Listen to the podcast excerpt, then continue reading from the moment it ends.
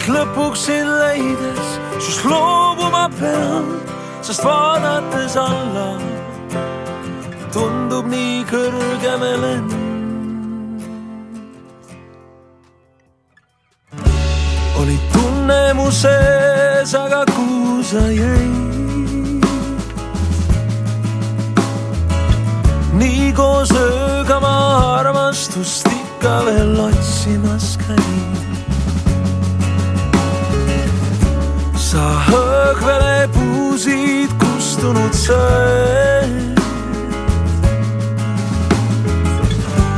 Ja tärganud leegis sa leidsid oma tõe.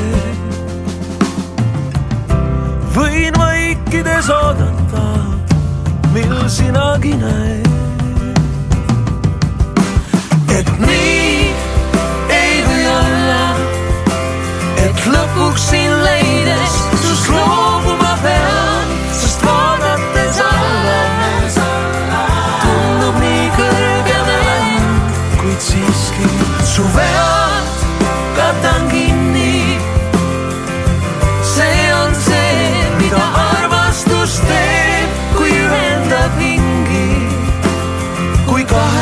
saanud on üks. ma tulen kui hüüad, sest minagi veel. Endas sind kannan ja ära ei anna mitte millegi eest. taevaste tuul meil sillutab teed.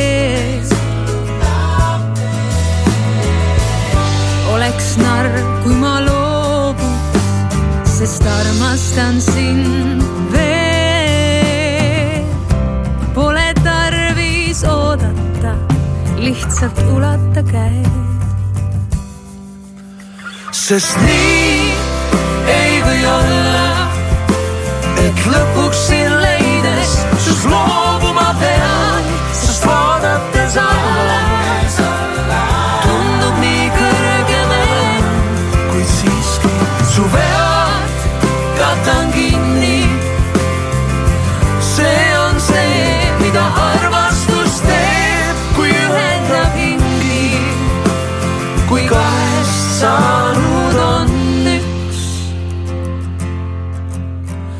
sest nii ei või olla, et lõpuks sind leides sust loobuma pean. Hello, hello, hello ja jõu, jõu, jõu, jõu, tere tulemast kuulama ausad mehed podcast'i, mina olen Kris Kala. ja mina olen see on alati nii naljakas, et kui nagu ei tea, kuidas öelda. mina olen Eliisa Lomp. ikka, ikka niimoodi nagu tunne tuleb, et äh, minu pärast sa võid siin killida ka järgmine kord, et. Et äh, jaa, Eliise on taas saates, taas stuudios, et äh, mõned saated sai siin salvestatud üksinda, viimane kord oli Andrus ja. ja Tanel Pajuri, kes meil, kus mul külas käis kodus, et siis Eliiset ma endale külla tookord ei kutsunud. elan kaugel Tallinnast ja siis ei olnud mõtet kutsuda. täna istume ProGeari ruumides, siinkohal aitäh progear.ee tiimile eesotsas siis äh, Raivole, kes äh, ausalt mehe podcast'i pikka aega juba toetab sellega, et nad on andnud mulle koju professionaalse stuudiotehnika, millega ma saan kodus äh, salvestada. tegelikult täna mul on stuudiotehnika kodunt kaasa võetud ka, nii et mul on põhimõtteliselt selline kohvristuudio olemas kogu aeg. ja täna istume nende ruumides, nii et ähm, kui sul vähegi on helitehnikat või valgustehnikat vaja, siis mine vaata progear.ee, nii et nii on ja, ja veel enne kui Eliise saab ka sõna, siis veel paar asja kiirelt Hooandjas on meil selline huvitav äh, pro-, programm, projekt käimas, ausad meeste podcast'is tuleb välja raamat äh, selle aasta jõuludel ja see saab olema sihuke unikaalne esmakordne raamat Eesti maastikul, raamatumaastikul, mida varem pole nähtud. Äh, me koondame kokku siis üle viiekümne erineva Eesti tipu, oma ala tipu, mõned on kuulsamad, mõned on vähem kuulsamad, nende head mõtted podcast'ist ja nende poolt äh, juurde kirjutatud lisatekstid spetsiaalselt sulle sellesse raamatusse ja sealt leiad endale igasuguseid erinevaid mõtteid, kuidas enda elu paremaks muuta, vahet pole, mis valdkonnas, olgu see seks või suhted või.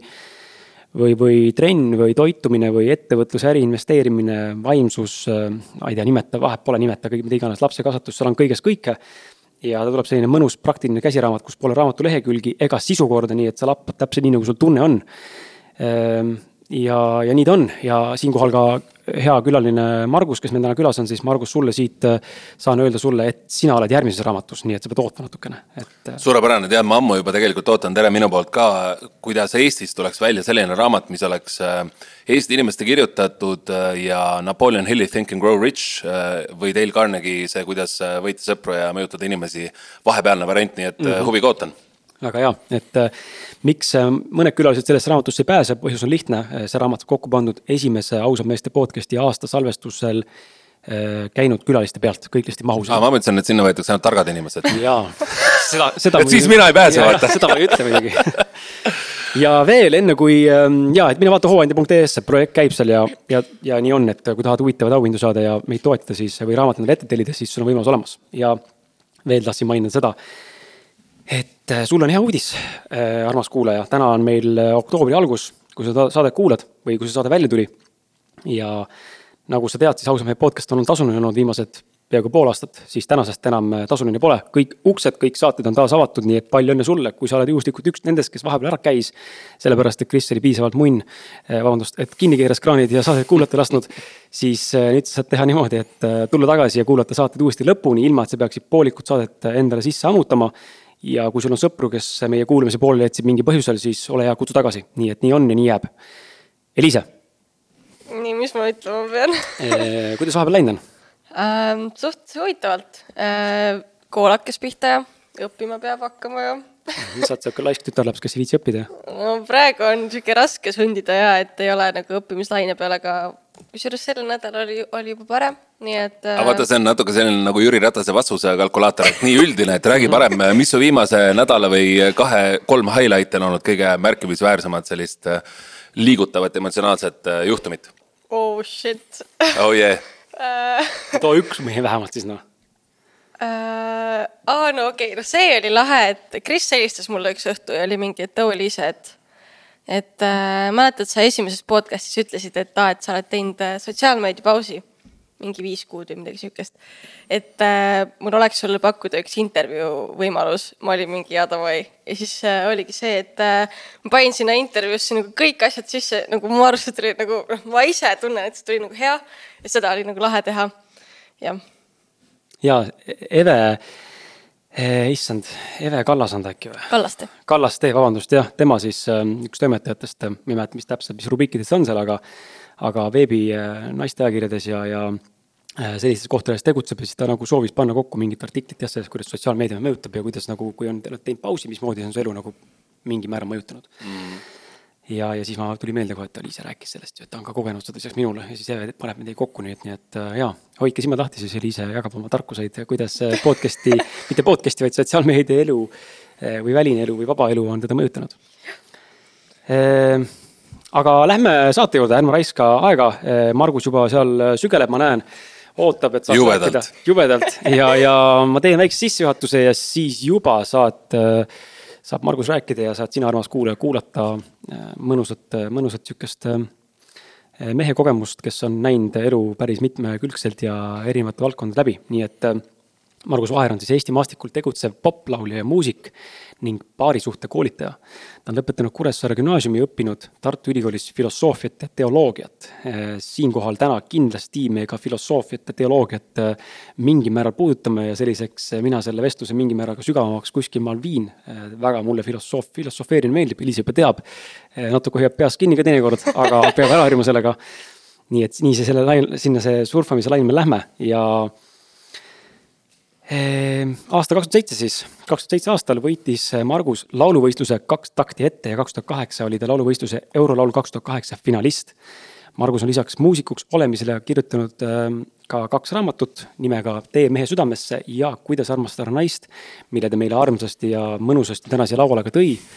nii et Eliise viib ühe endale koju, kuidas mõista mehi paremini ja mina siis viin ühe koju, kuidas mõista naisi paremini ja nüüdseks on tegelikult Margusel ilmumas ka kolmas raamat nimega Aga miks mehed on sellised ja sellest me täna kindlasti saates räägime ka. samuti avalikustub Kanal kaks eetris kuueosaline saade Suhtevimkad, mille üheks saatejuhiks on samuti Margus, lisaks tema eh,, lisaks siis Margusele ja Jesper Parve ning Eros Priidu show'le, mida mehed tegelikult tahavad ja mida mehed naistele ei räägi, on üks äärmiselt populaarne vestlusõhtu, kus mehed jagavad toorelt ja ausalt seda, mis on nende kogemus ja nägemus eh, mehena kõigele lisaks, mida juba olen rääkinud siin ja ette loetlenud, Margus on pühendanud ennast koolikiusamise teemadele, olles teinud viimase viie kuni kuue aasta jooksul ligikaudu kolmsada loengut äh, ei kiusamisele teemadele ja rääkides just koolikiusamisest Eesti koolides.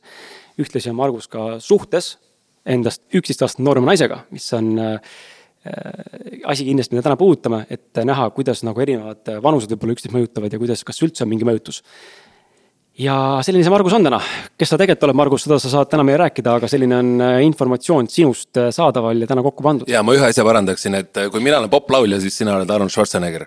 selles mõttes, et aga, aga muu oli enam-vähem nagu täitsa detailselt õige. väga hea mm,. aga lähmegi kohe, annan sulle kohe sõna siis, et äh, läheks sinuga selle korraks, alustaks klassikalisest teed pidi, et räägi meile lugu. selles mõttes enda lugu, et kes on see Margus kust on sinu teekond saanud alguse ja, ja kuidas ning äh, miks ja milliseid teid pidi oled sa jõudnud äh, tänasesse päeva, istud sa siin meil, et mismoodi see teekond on sind viinud, sa võid mis iganes, kus kohas kinni võtta, kus peale hakata, võid ka teha lühidalt, kiirelt, põgusalt, pikalt, mingid milstoned. jaa, mulle meeldib enamasti lühidalt ja konkreetselt, et äh, kujutame ette, et kuueteistkümnenda eluaastane oli Margus tüüpiline teismeline poiss, kes, kelle ainsaks elu eesmärgiks oli saada samasuguseks playboy'ks, nagu ta kuus aastat vanem vend Tallinnas, on ju kui kuusteist olin, siis äh, mu filosoofiaõpetaja kinkis mulle ühe hästi šefi raamatu. see oli Boyen Ra, üks äh, saksa teosoof, raamat Maailmad ja, ja selle selline piltide ja kõlamaagiline teksti mõju äratas mind kuidagi nagu üles. nimetas seda siis spirituaalseks vaimseks ärkamiseks, nii edasi ja pärast seda ma sain aru, et, et minu mm, fookus või, või eesmärgid võiksid natuke teised olla, kui olla lihtsalt kõva pädagängster. ehk siis äh, ma hakkasin oma elu paremini mõtestama, lahendasin järgmise, ma arvan, umbes kümne aastaga ära oma lapsepõlve mingid valukehad, mingid ähm, vajakajäämised ja pullid ja, ja nüüd ma võin ausalt öelda, et umbes juba kümme aastat on mu elu äh, lill. sellepärast, et äh, mul lihtsalt väga-väga meeldib äh, kogeda elu kõigis, ütleme siis madal kui kõrgseisudes ja keskmistes täpselt samamoodi, et mul lihtsalt meeldib aktsepteerida asju sellistena, nagu nad on. ja see annab võimaluse elu kogeda ja tajuda ja vastu võtta niivõrd rikkalikult, et sa ei taha midagi nagu maha salata ja sellest ajast peale ongi. kuidas ma ütlen, ma ärkan üles, kuigi mu silmad ärkavad tavaliselt hommikuti nagu kolm tundi üles, et nad on sellised poolvidukil paistes natukene. siis mu hing nagu laulab alati, kui ma enamasti, tähendab, kui ma hommikul üles ärkan ja see on vahva see oli huvitav, et sa mainid seda nii-öelda lapsepõlve taakasid või mingeid hirme, et me oleme siin saates sellest päris paljude inimestega rääkinud, olgu nad siis Hekke Lainsalud või mina ise või, või kes iganes siin Peep Pain või kes iganes olnud saates käinud on et paratamatult lapsepõlv tihtipeale mõjutab meid päris tugevasti, kui me ei tegele selle jamaga, mis sealt kaasa tuleb. mitte, et see oleks nagu tahtlik meie vanemate poolt, aga lihtsalt elu on mingil määral nagu osast nagu paratamatu võib-olla ja kohati me ise loome seda, eks ole, teistpidi jälle see juhtub, on ju. et äh, oskad sa äkki tuua mõne näite, mis on nagu olnud selline suurem äh,, ma ei tea, vabanemine, mis on aidanud sul täna noh, see, sa kõik, mis sa rääkisid, mõista nagu paremini, et ahaa, näed, et sellest asjast nagu vabanemine aitas mul saada nagu palju paremaks äh, inimeseks ja meheks okei okay., no ma arvan, et iga keskmise lapse taak on natukene see, et, et tema saab perekonnas kõige vähem tähelepanu. aga see on, see on täiesti loomulik, aga, aga ütleme, ma toon ühe sellise näite, et ma tegin äh, oma hea äkki seitse aastat tagasi ühe rännaku lapsepõlve. Ja ütleme, enne seda ma olin suhteliselt selline mm, armukade tropp, mölakas, omandihimuline limukas. Äh, aga kuna ma sain selle tekkepõhjuse juurde, ehk siis ma tegin rännakus läbi sellise momendi, kus äh, kus äh, ma viisin ennast lapsepõlve, siis kui mina olin kuskil äkki äh, kas äh, seitsme või kaheksa aastane ja mu õde sündis emal ja me läksime neid järgmine päev nagu haiglasse vaatama kogu perega. ja siis mina ei saanud üldse tähelepanu ja ma olin kuidagi väga solvunud selle peale, et nüüd tuli need uus ilmakodanik, aga ikka mina ei saa tähelepanu ja nii, nii edasi siis ma mäletan, et ema lehvitas mulle ja siis ma tegin lihtsalt nagu ja läksin minema, on ju, ja sellega seoses oli mul seotud kuidagi väike mitte väike, vaid väga suur süütunne sellesama momendi pärast, mis aastaid-aastaid tagasi juhtus. Ja siis ma mängisin selle nagu uuesti läbi, et, ähm, et kui nüüd oleks sama situatsioon, et mida ma siis teisiti teeks ja siis ma mängisin selle enda peas lihtsalt läbi nii, et ma ütlesin emale, et ma armastan sind. Äh, loodan, et sul on hästi tore paranemine, on ju, ja et meie õde on siin äh, maailma sündinud ja niipea, kui ma seda tegin ja lehvitasin talle ja ütlesin, et ma armastan sind, äh, peas mängisin selle siis ütleme lihtsalt läbi uuesti sel hetkel miski mu sees, äh, kuidas ma ütlen, selline suur kivi lahustus ja ma olin äh, mingist teemast vaba, mis on näiteks selline äärmuslik armukadedus ja, ja halb äh, emotsioon. see on ainult üks näide, neid mm -hmm. on, neid on ju veel minu meelest on hästi äge kuulata, kui inimesed äh, suudavad äh, läbi eneseanalüüsi jõuda nagu selleni, et kust see asi pihta hakkas ja, ja mis ma nagu tegin selleks, et vabaneda, sest tihtipeale me ei märka neid või ei jõua nagu selle tuumprobleemini ise mm -hmm. teinekord ka läbi, ma ei tea, terapeudi või mingisuguste rännakute, mingite muude, mingite praktikate, siis me ei pruugi alati kohe nendeni jõuda. et see vajab ka mingil määral, mulle tundub vähemalt, et see vajab ka mingil määral sellist äh, ausust ja julgust vaadata otsa sellele enda noh, tehtud vigadele või mingitele puudujääkidele või asjadele ja, ja saada aru, et nii lihtsalt on ja, ja aga kuidas saab paremini, on ju. jah, poetad paar pisarat, on ju, sest emotsioonid vabanevad, siis loomulikult pisarad ka tulevad, aga, aga tõesti, ma pean ütlema, et näiteks selle rännaku tegin ma läbi ühe inimesega, kelle, kelle, keda ma pean ainsaks, keda ma olen kohanud siin äh, ilmas, äh, kes on äh, valge haldjas või, või valge maag, et ta on lihtsalt nii võimas ja äge inimene, et, et see, et elu mind temaga kokku viis, noh, ma olen nagu selle eest nii tänulik. ja teine selline südametark on siis seesama filosoofia õpetaja, kes on siiamaani mu hea sõber ja noh, need kaks inimest, vau. kas sa tahad äh, nimesid ka mainida?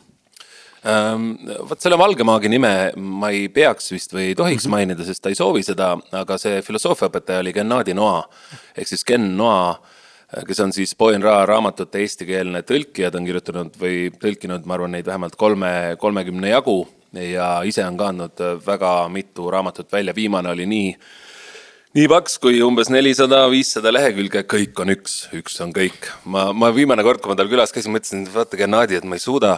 ma olen harjunud filosoofiliste tekstidega või noh, raskemate tekstidega, aga ma ei suuda siit ennast läbi närida, siis ta ütleb, Margus, see ongi kirjutatud nii, et sa peaksid vaeva nägema ja süvenema sada protsenti selleks, et need loorid avaneks või kaoks see oli päris kihvt. väga tiip. väga tiip. Eliisel on äh, täna ta juba ütles mulle enne ka, et ta on nii excited, tegelikult ta kirjutas eile mulle juba, et ta on nii excited ja, ja ilmselt sisemine Liise väike kiljus seal kuskil sees, et äh, tal on hunnik küsimusi. ta särab jah siin nagu miljon dollarit on... nagu jõulukuusk noh tal on hunnik küsimusi, mida ta tahab küsida ja täna tal on võimalus siis mõlemalt mehelt äh, saada seda meeste perspektiivi, sest et tema on ju naine ja ta tahab teada, mis tegelikult toimub, ta on kahekümnene ka mm. -hmm. ja ta tahab saada aru, mis toimub. räägi südamelt ära. nii et räägime välja, Liise, äh, tulista, mis sa tahad küsida? no mul on mingi sada küsimust, aga ma ei tea, need kuidagi praegu ei haaku selle teemaga. siis äh, siis nii on jah? siis nii okay. on, millest sa tahad rääkida siis Margusega? no mina tahaks täiega küsida nagu, et nagu nii nagu mõlemat pidi, et tegin nagu mingit research'i nagu oma sõprade seas ka.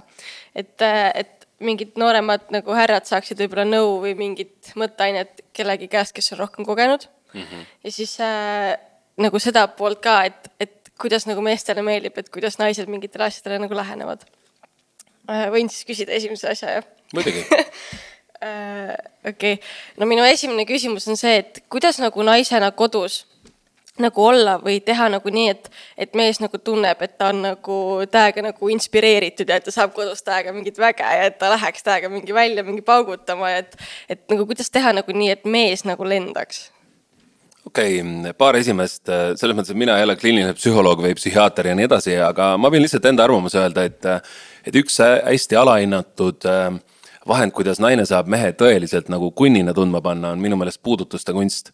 see on nagu nii lihtne, ent ometi nagu naised puudutavad mehi nii vähe. Äh, vaata, see oleneb muidugi sellest ka, et mis on kellegi armastuse keel, et ütleme, kui kellelgi ei ole füüsiline puudutus, on ju, siis ta seda nii palju ei taha ent iga mees tahab seda, et naine tuleks tööpäeva lõpus, tema juurde paneks kaks kätt ta rinna peale, paitaks natuke ta rinda, siis võib-olla suudleks teda Äh, natukene käega samal ajal siin kukla või, või kaela või pea, pea taga natukene sassides ja öelda, et äh, ma olen nii õnnelik, et sa mul oled.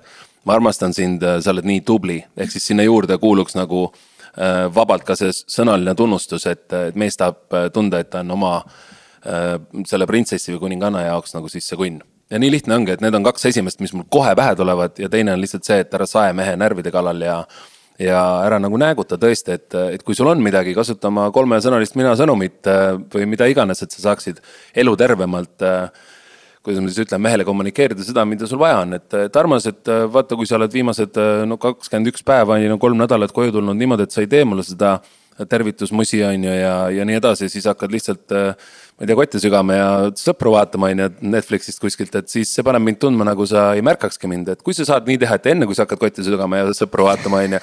siis sa pool tundi võtad minu jaoks ja nunnutad minuga enne ja siis tegeled oma asjadega natukene jälle, noh üks lihtne näide lihtsalt mm. -hmm. väga lahe. ma olen täiesti, ma olen täiesti nõus, et äh, ma olengi täiesti nõus selle koha pealt, et ma näen ise ka, et hästi stereotüüpne on nagu naistel ja meestel arvata ka, et mehed ei vaja hellust või lähedust või mingit mm. armastust. mina mehena vajan nagu täiega seda, nagu ma olen, olen kohe, ma tunnen, ma olen samamoodi väga häiritud, kui mu naine ei silita mind või, või, või ei, ei puuduta mu kätt kasvõi korraks või ei pane kätt põlvele istudes või.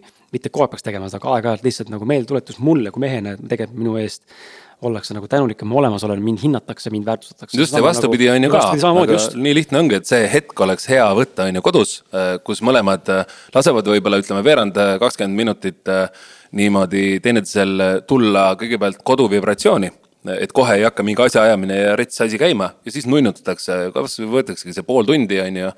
ütleme, sõnaline, füüsiline, nii edasi tunnustus ja siis on tegelikult äh, see mm, elamine nii-öelda armastust täis ja seda energiat ja see on avatud ja siis pärast ei olegi nagu vahet, et kas tehakse midagi koos või mitte appi kui lahe. aga kas nagu meestele meeldib nagu sihuke poputamine või näiteks kui mees tuleb koju, tal on nagu mingi väsinud, tal on mingi raske päev olnud, siis kas meestele nagu meeldib see, kui sa lähed, ütled talle, tupsu nunnu, tule siia, ma võtan su kaisu ja siis annad talle veel laua peale musi. või siis on pigem see, et osadel hetkedel on vaja, et sa ütlekski mingi, et kallis inimene, võta kokku ennast aga mõlemat on vaja, minu meelest on kõige lihtsam, kui sa mõtled, et mida mees tunneb või tahab, siis küsida käest, et kuule, armas, ma näen, et sa oled väsinud, on ju et sul on pikk tööpäev olnud, sa oled nii tubli olnud, jee, on ju. et kas sa pigem sooviksid praegu, et ma sind natuke mudin ja panen oma audio mute'i peale, on ju. või sa tahad minuga rääkida, kuidas sul päeval on läinud ja nii edasi, siis mees ütleb, kuule, et äh, jah, et sa otse mitte rääkida ja mind lihtsalt paituda, on ju. noh, näiteks ma toon lihtsalt näite või siis vastupidi, et armas, tead, räägi lihtsalt enda päevast, et mul on täna suurepärane päev olnud, mul ei ole eriti midagi nagu jagadagi. aga räägi ise ja, ja tule siia, ma teen hoopis sulle massaaži. et ma ei tea, mehe käest võib küsida, kuidas sina, Kris, tunned ma, ei, ma olen sinuga täiesti nõus, Margus, ma arvan, et äh, tulles selle esimese vastuse juurde, siis see üldine point, mis siis nagu rõhutada, ongi see kommunikatsioon, mis täna nagu inimestel see vahetu ausus, äh, siiras äh, filtrita kommunikatsioon, eriti oma partneriga, mille eest kelle eest sul tegelikult varjata pole, noh, pole ju põhjust mitte midagi, et kui sul on sitt tunne, siis ütle see välja, mul on selline. sa oled tema valinud, on ju, sa võid tema eest nagu haavatav olla. just, aga inimesed arvavad, et, et jumala eest ei tohi, et siis ta oled mina või noh, ma ei tea, mis hirmud inimestel on, aga mm. mina olen ka oma naisega. me oleme seitse aastat täna koos olnud ja me oleme ka nagu läinud äh, algusest peale seda teed, et äh, hoida nagu läbivat ausat joont, et kui on midagi, mis mind vaevab, siis lihtsalt räägi. muidugi me oleme õppinud juba märkama, kui teisel on mingi, see on kohe ära, et on teistsugune, siis ma küsingi, kuule, sul on midagi viga või, et nagu räägi, ma kuulan. ja mis su viga on? jah, mis su viga raisk on, onju. sa sinised. aga mis toimub nagu, mis su sees nagu on, et räägi, et ma näen, et sul on nagu midagi täiesti paigast ära, tahad siis, rääkida. see on tegelikult juba naisele kompliment onju, ehk siis sa märkad teda. ja, ja, ja, ja vastupidi ka. jah, absoluutselt. et teine, vaata teinepidi, ma mäletan pubekana oli päris palju seda, kuidas me mängime nagu noh, tegelikult see on täiskasvanu ka, aga pubekana, mul on see meeles, me mängime mingit solvunut. see rolli vaata, et noh, ma nüüd mängin ilgelt solvunut. kas ta nüüd märkab? kas ta nüüd märkab, kas ta küsib, no perse, mine, mine ütle, ma tahan rääkida. lõpeta see mäng nagu noh, mis sa nagu, sa teed asja nii keeruliseks lihtsalt, see on nagu ebavajalik. ja see tekitab teinekord pingeid, et ta ei mõistu mind, on ju, see ei pane mind tähele ja mees on võib-olla sihuke, et nagu, et what the fuck, ma ei teagi üldse midagi viga sul on, on ju. Mhm. või vastupidi ka, on ju, et nagu rääk-, kommunikeerige noh, inimesed. absoluutselt, see on kõige olulisem jah suhtes. Eliise, kas sa oled hea kommunikeerija või sa oled pigem see, kes mängib neid mänge? ma arvan, ma mõlemat. kui Aha. ma päris aus olen, nagu jaa, või nagu nagu Margus ütles ka hästi lihtsalt, et küsi nagu otse, et kumba sa tahad. aga mul nagu ei tule esimese asjana pähe nagu küsida, vaid ma proovin kohe nagu välja mõelda, et, et kuidas oleks kõige parem nagu läheneda ja siis ma nagu proovin. see võib ka metsa minna siis, et a la olen liiga karm tol hetkel või noh, ma ei tea. ja, aga Liisa, vaat sa ütled nii hästi, et, et sa oled mõlemad, sest tegelikult äh, ma pakun, et äh, kuidas sa tunned, mina, mina olen näinud, et, et äh, ütleme iga erinev mees võib sinus välja tuua täiesti erineva külje. keegi on nii mehelik, nii hoolitsev, nii selline kuninga arhetüüp on ju, et tema toob sinus välja sellise malve miisu on ju. ja teine natuke meeleheitlikum ja selline mitte nii tahtejõuline mees võib sinust välja tuua nagu sellise fuuria, on ju. ehk siis see oleneb täpselt sellest, kuidas mees sind käsitleb, kas sa austad teda, kas sa noh, kuidas ta sind tundma paneb, on ju. ma nõustun sada protsenti sellega mm., päriselt Margus, mul on küsimus äh, siit praegu korraks pähe, me oleme seda terminit räägitakse, puudutatakse palju, et äh, partner on sinu peegel mm. -hmm. oskad sa seda natuke läbi enda nagu mõtestada, sõnastada, mida see nagu tähendab, sest et äh, võib-olla inimesed ei mõista tegelikult, mida selle all mõeldakse. ja kas üldse vastab tõele sinu elus, et partner on su peegel? ei no partner on su peegel nii või naa, sellepärast et ta ju läbi tema sa tajud seda, kuidas esiteks, mis sind häirib, mis sind närvi ajab ja kõik, mida partneri puhul ajab sind närvi, ajab sind tegelikult ju enda puhul närvi, et selles mõttes peegel äh, kahtlemata. aga mulle selles mõttes peeglid väga meeldivad, sest nendega on nii lahe mängida. oletame, et mu naine hakkab saagima, on ju, noh, suvaline päev, tema saeb, vahet ei ole, kas tegu on mingi kuufaasiga või mingi muu asjaga. siis ma nagu, mulle meeldib hästi pingeid lahendada kerge energiaga või siis läbi huumori.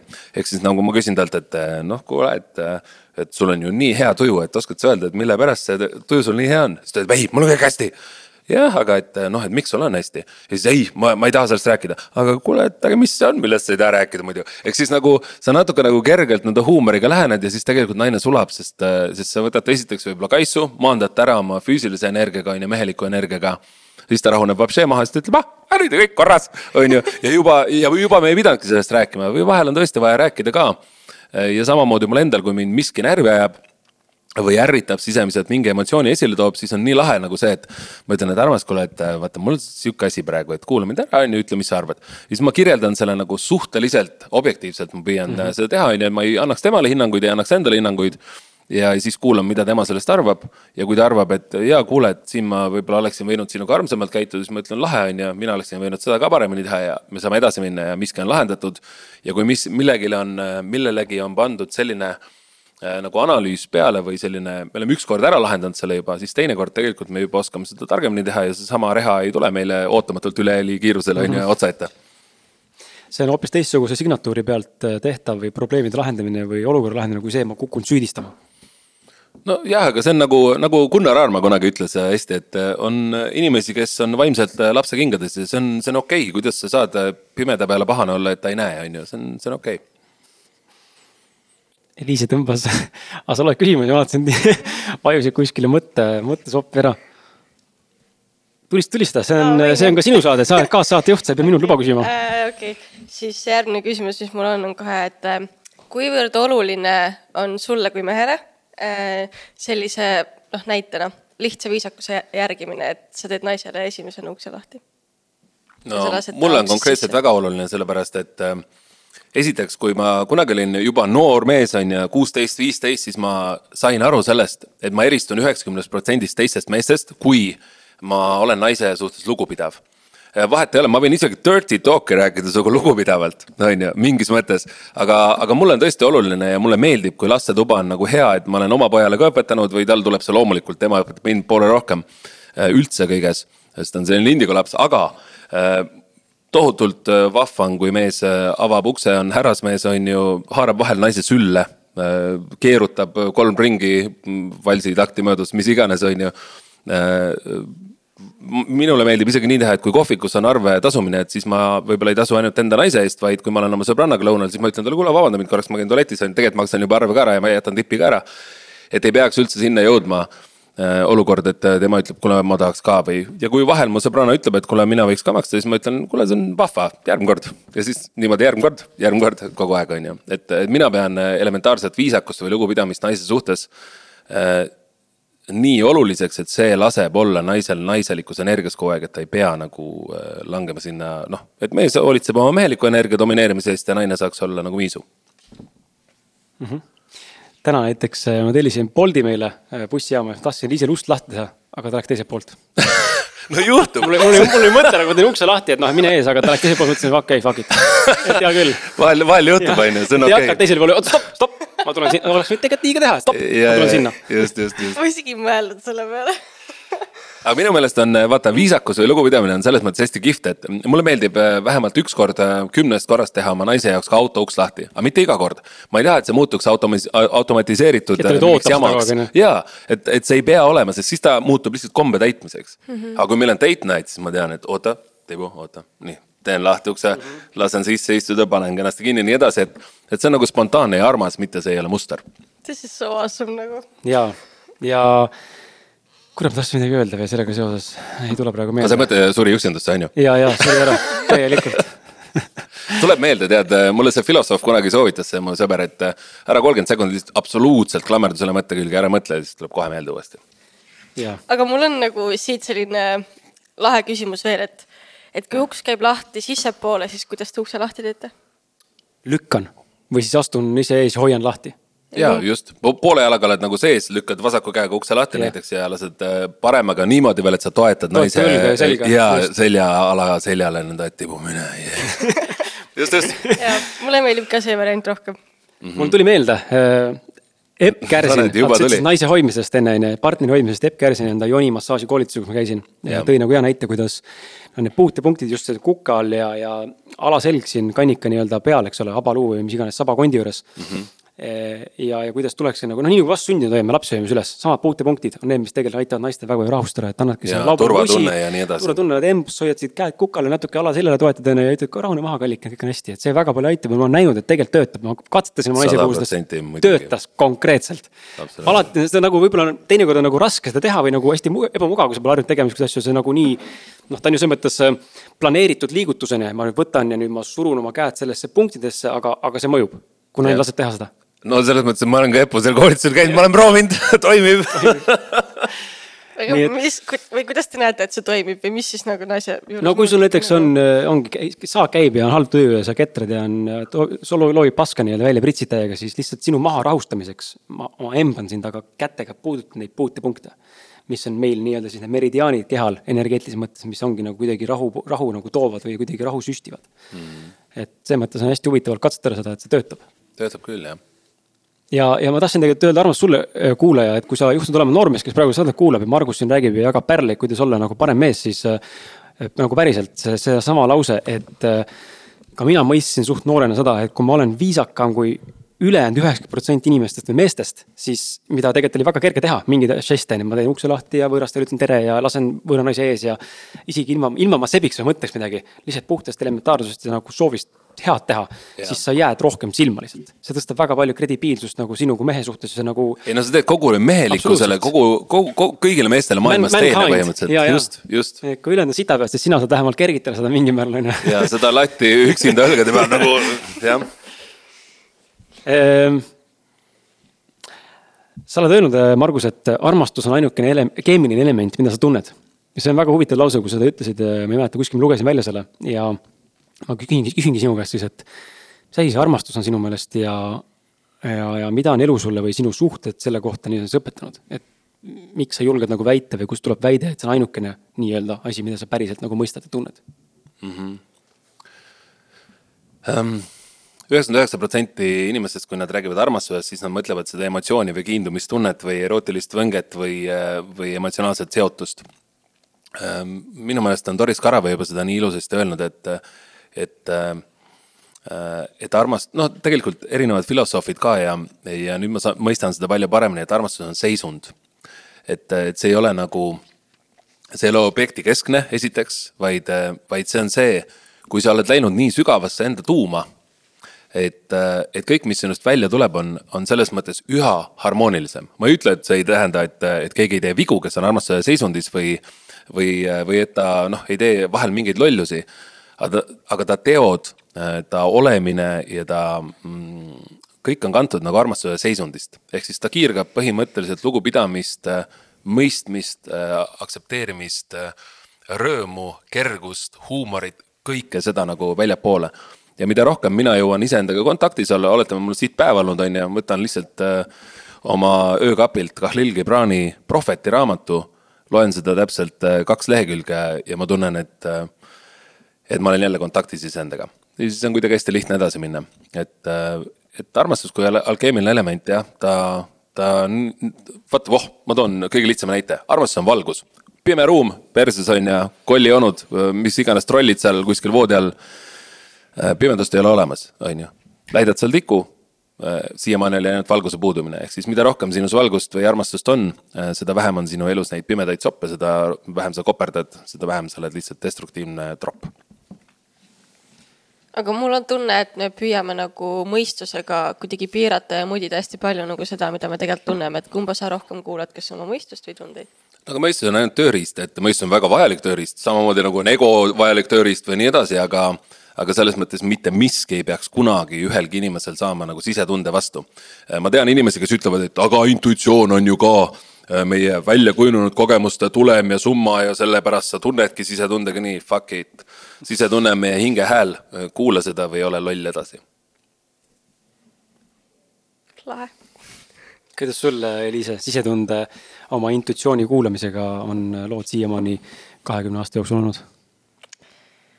viimane aasta ma olen palju rohkem õppinud kuulama seda, mis mul nagu sees toimub ja tunde pealt nagu käituma äh,. Aasta enne seda või tähendab enne, nüüd kui või noh, nagu appi sõnad, noh kaks tuhat üheksateistaastaselt?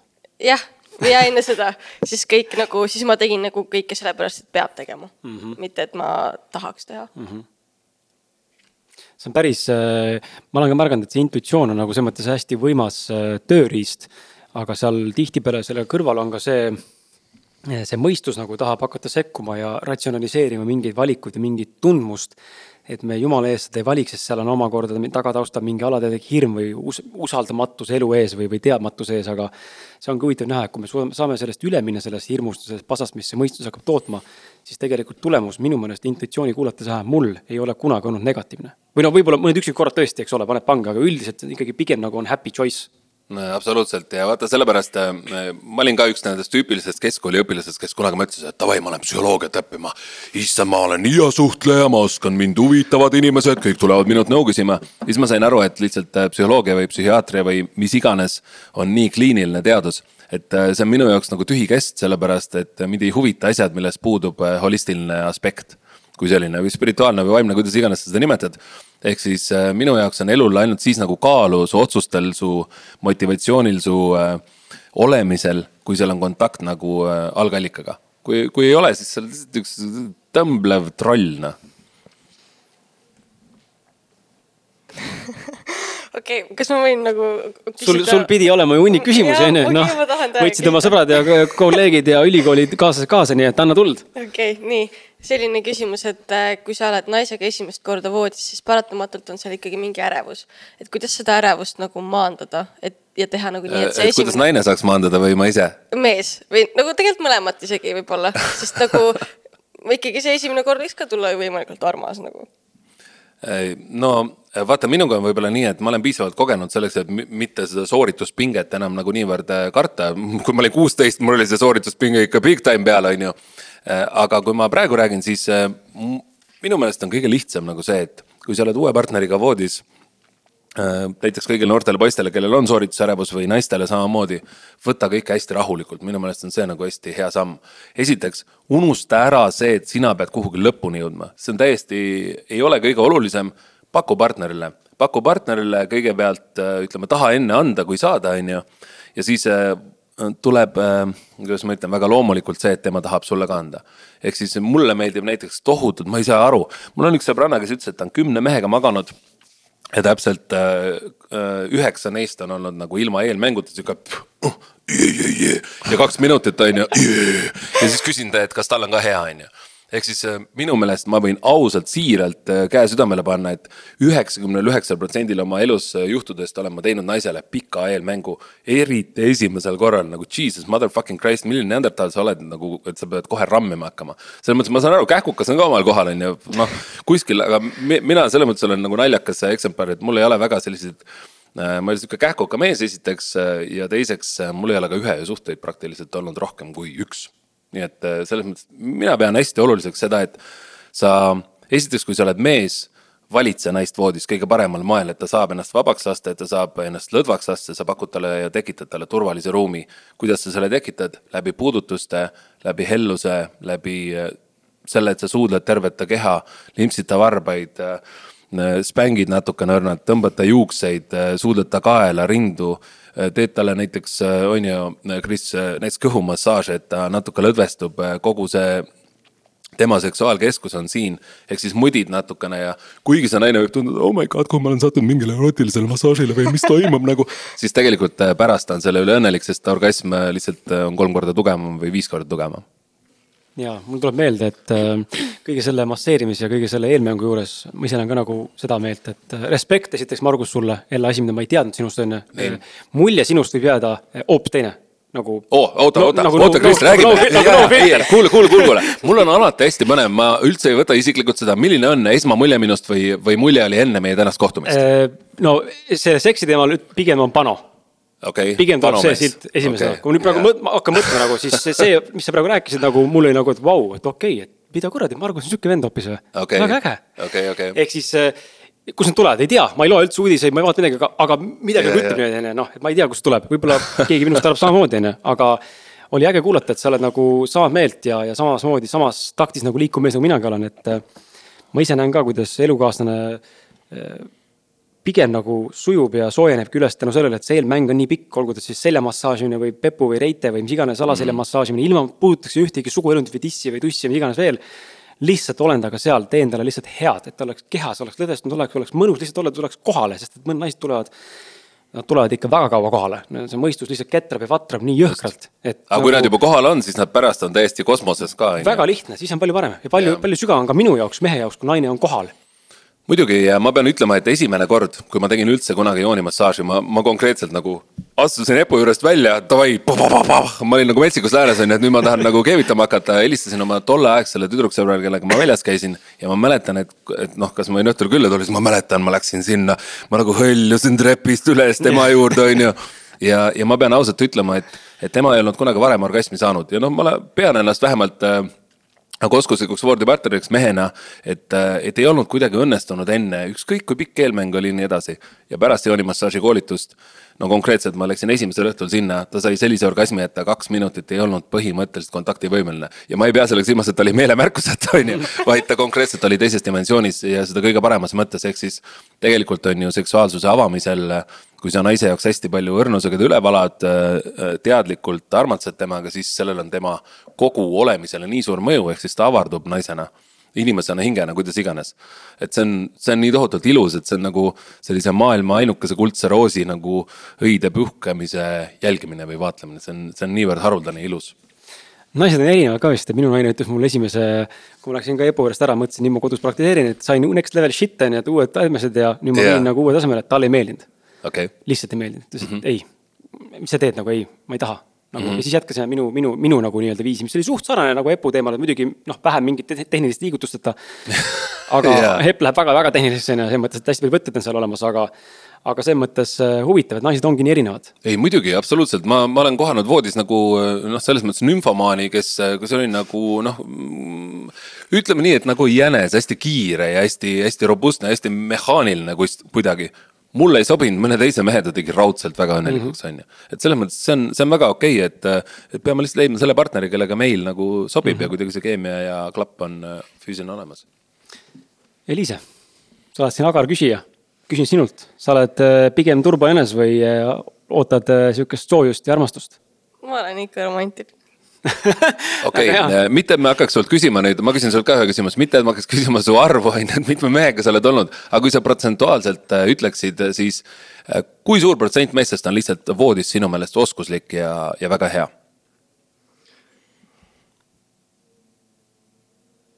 no ole nagu Puusalt. clear cut hästi, hästi puusalt tulistaja. Äh, kõikidest, kellega ma olen olnud, siis üks.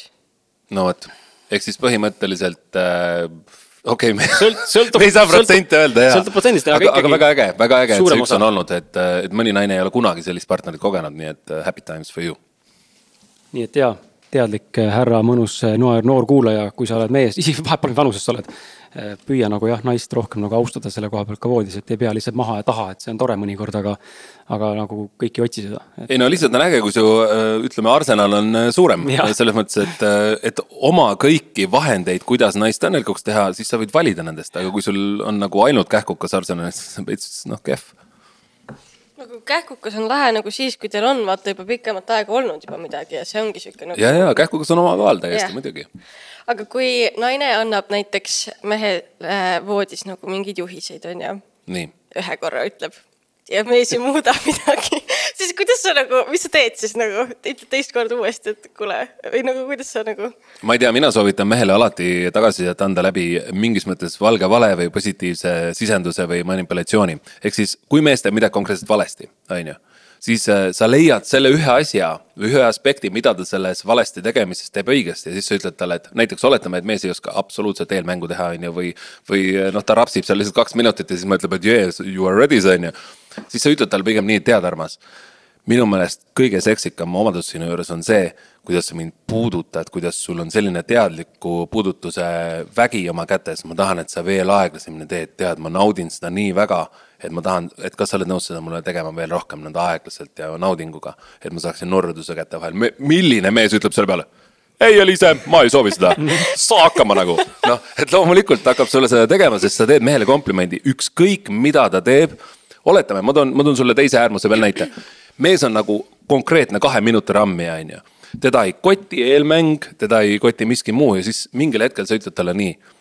pärast seksi, mis oli tegelikult kohutav sinu jaoks kui naise jaoks, sa ütled, tead, armas, mulle nii meeldis siin nagu voodis olla, sa oled nii kirglik, sest kirglik ta vist ikkagi see kaks minutit oli sa oled äh, nii äh, voolav, seksikas mees, nii mehelik ja tead, ma tahan, et sa võtad mind lihtsalt natukene aeglasemini, siis ma saan sind kauem nautida. Ja mees on jälle nagu yeah, fuck yeah. Kolm minti järgmine kord. on ju, järgmine kord kolm minti ja nii see areng tuleb. okei, väga et mehel ei tohi kunagi puid alla panna, et kuule, et juba lõpetasid või? nagu mees on nagu nojah. on ju, ta tõmbab sa ei lukku oska üldse kurat keelekat teha mulle. no ma siis järgmine kord üldse ei tee enam. just, just, täpselt, et, et lähene läbi positiivse asja, täpselt nagu naine tahab äh, läbi positiivsuse konstruktiivset kriitikat saada. ehk siis pööra tähelepanu heale ja positiivsele, ära keskendu või ära too, torgi seda negatiivset, need, mis sulle ei meeldi. just, just, just, just ja vahel on vaja lihtsalt öö, otse näkku valetada, aga heas mõttes, selle eesmärk on ju puhas, selle moti-, motiiv on nagu puhas, siis öö, sa saavutad selle eesmärgi palju lihtsamini. siia on hea eh, paras eh, ports üks laul vahele visata. nii et kuulame ühe la- Marguse laulu ja siis tuleme vaikselt tagasi. Armastus on see, mis muudab valgeks öö, ses maagias peidus saladus, mis kustunud tähe helendama lööb. ta lausub nii. kui armastad, siis armasta, et ära liiga tee. kui ainult tahad võtta, siis närbub see, mida kalliks pead. sa meeles pead.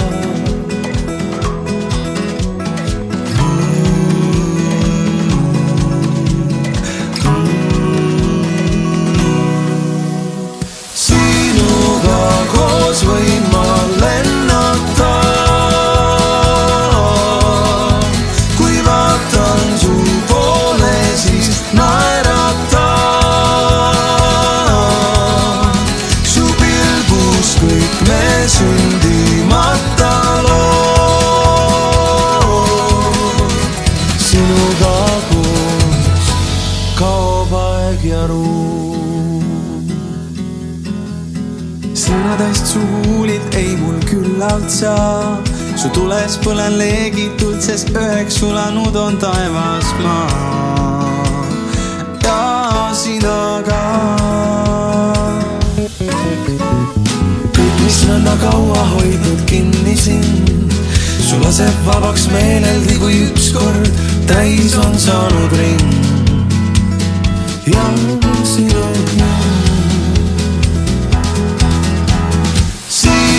sinuga koos võin ma lennata.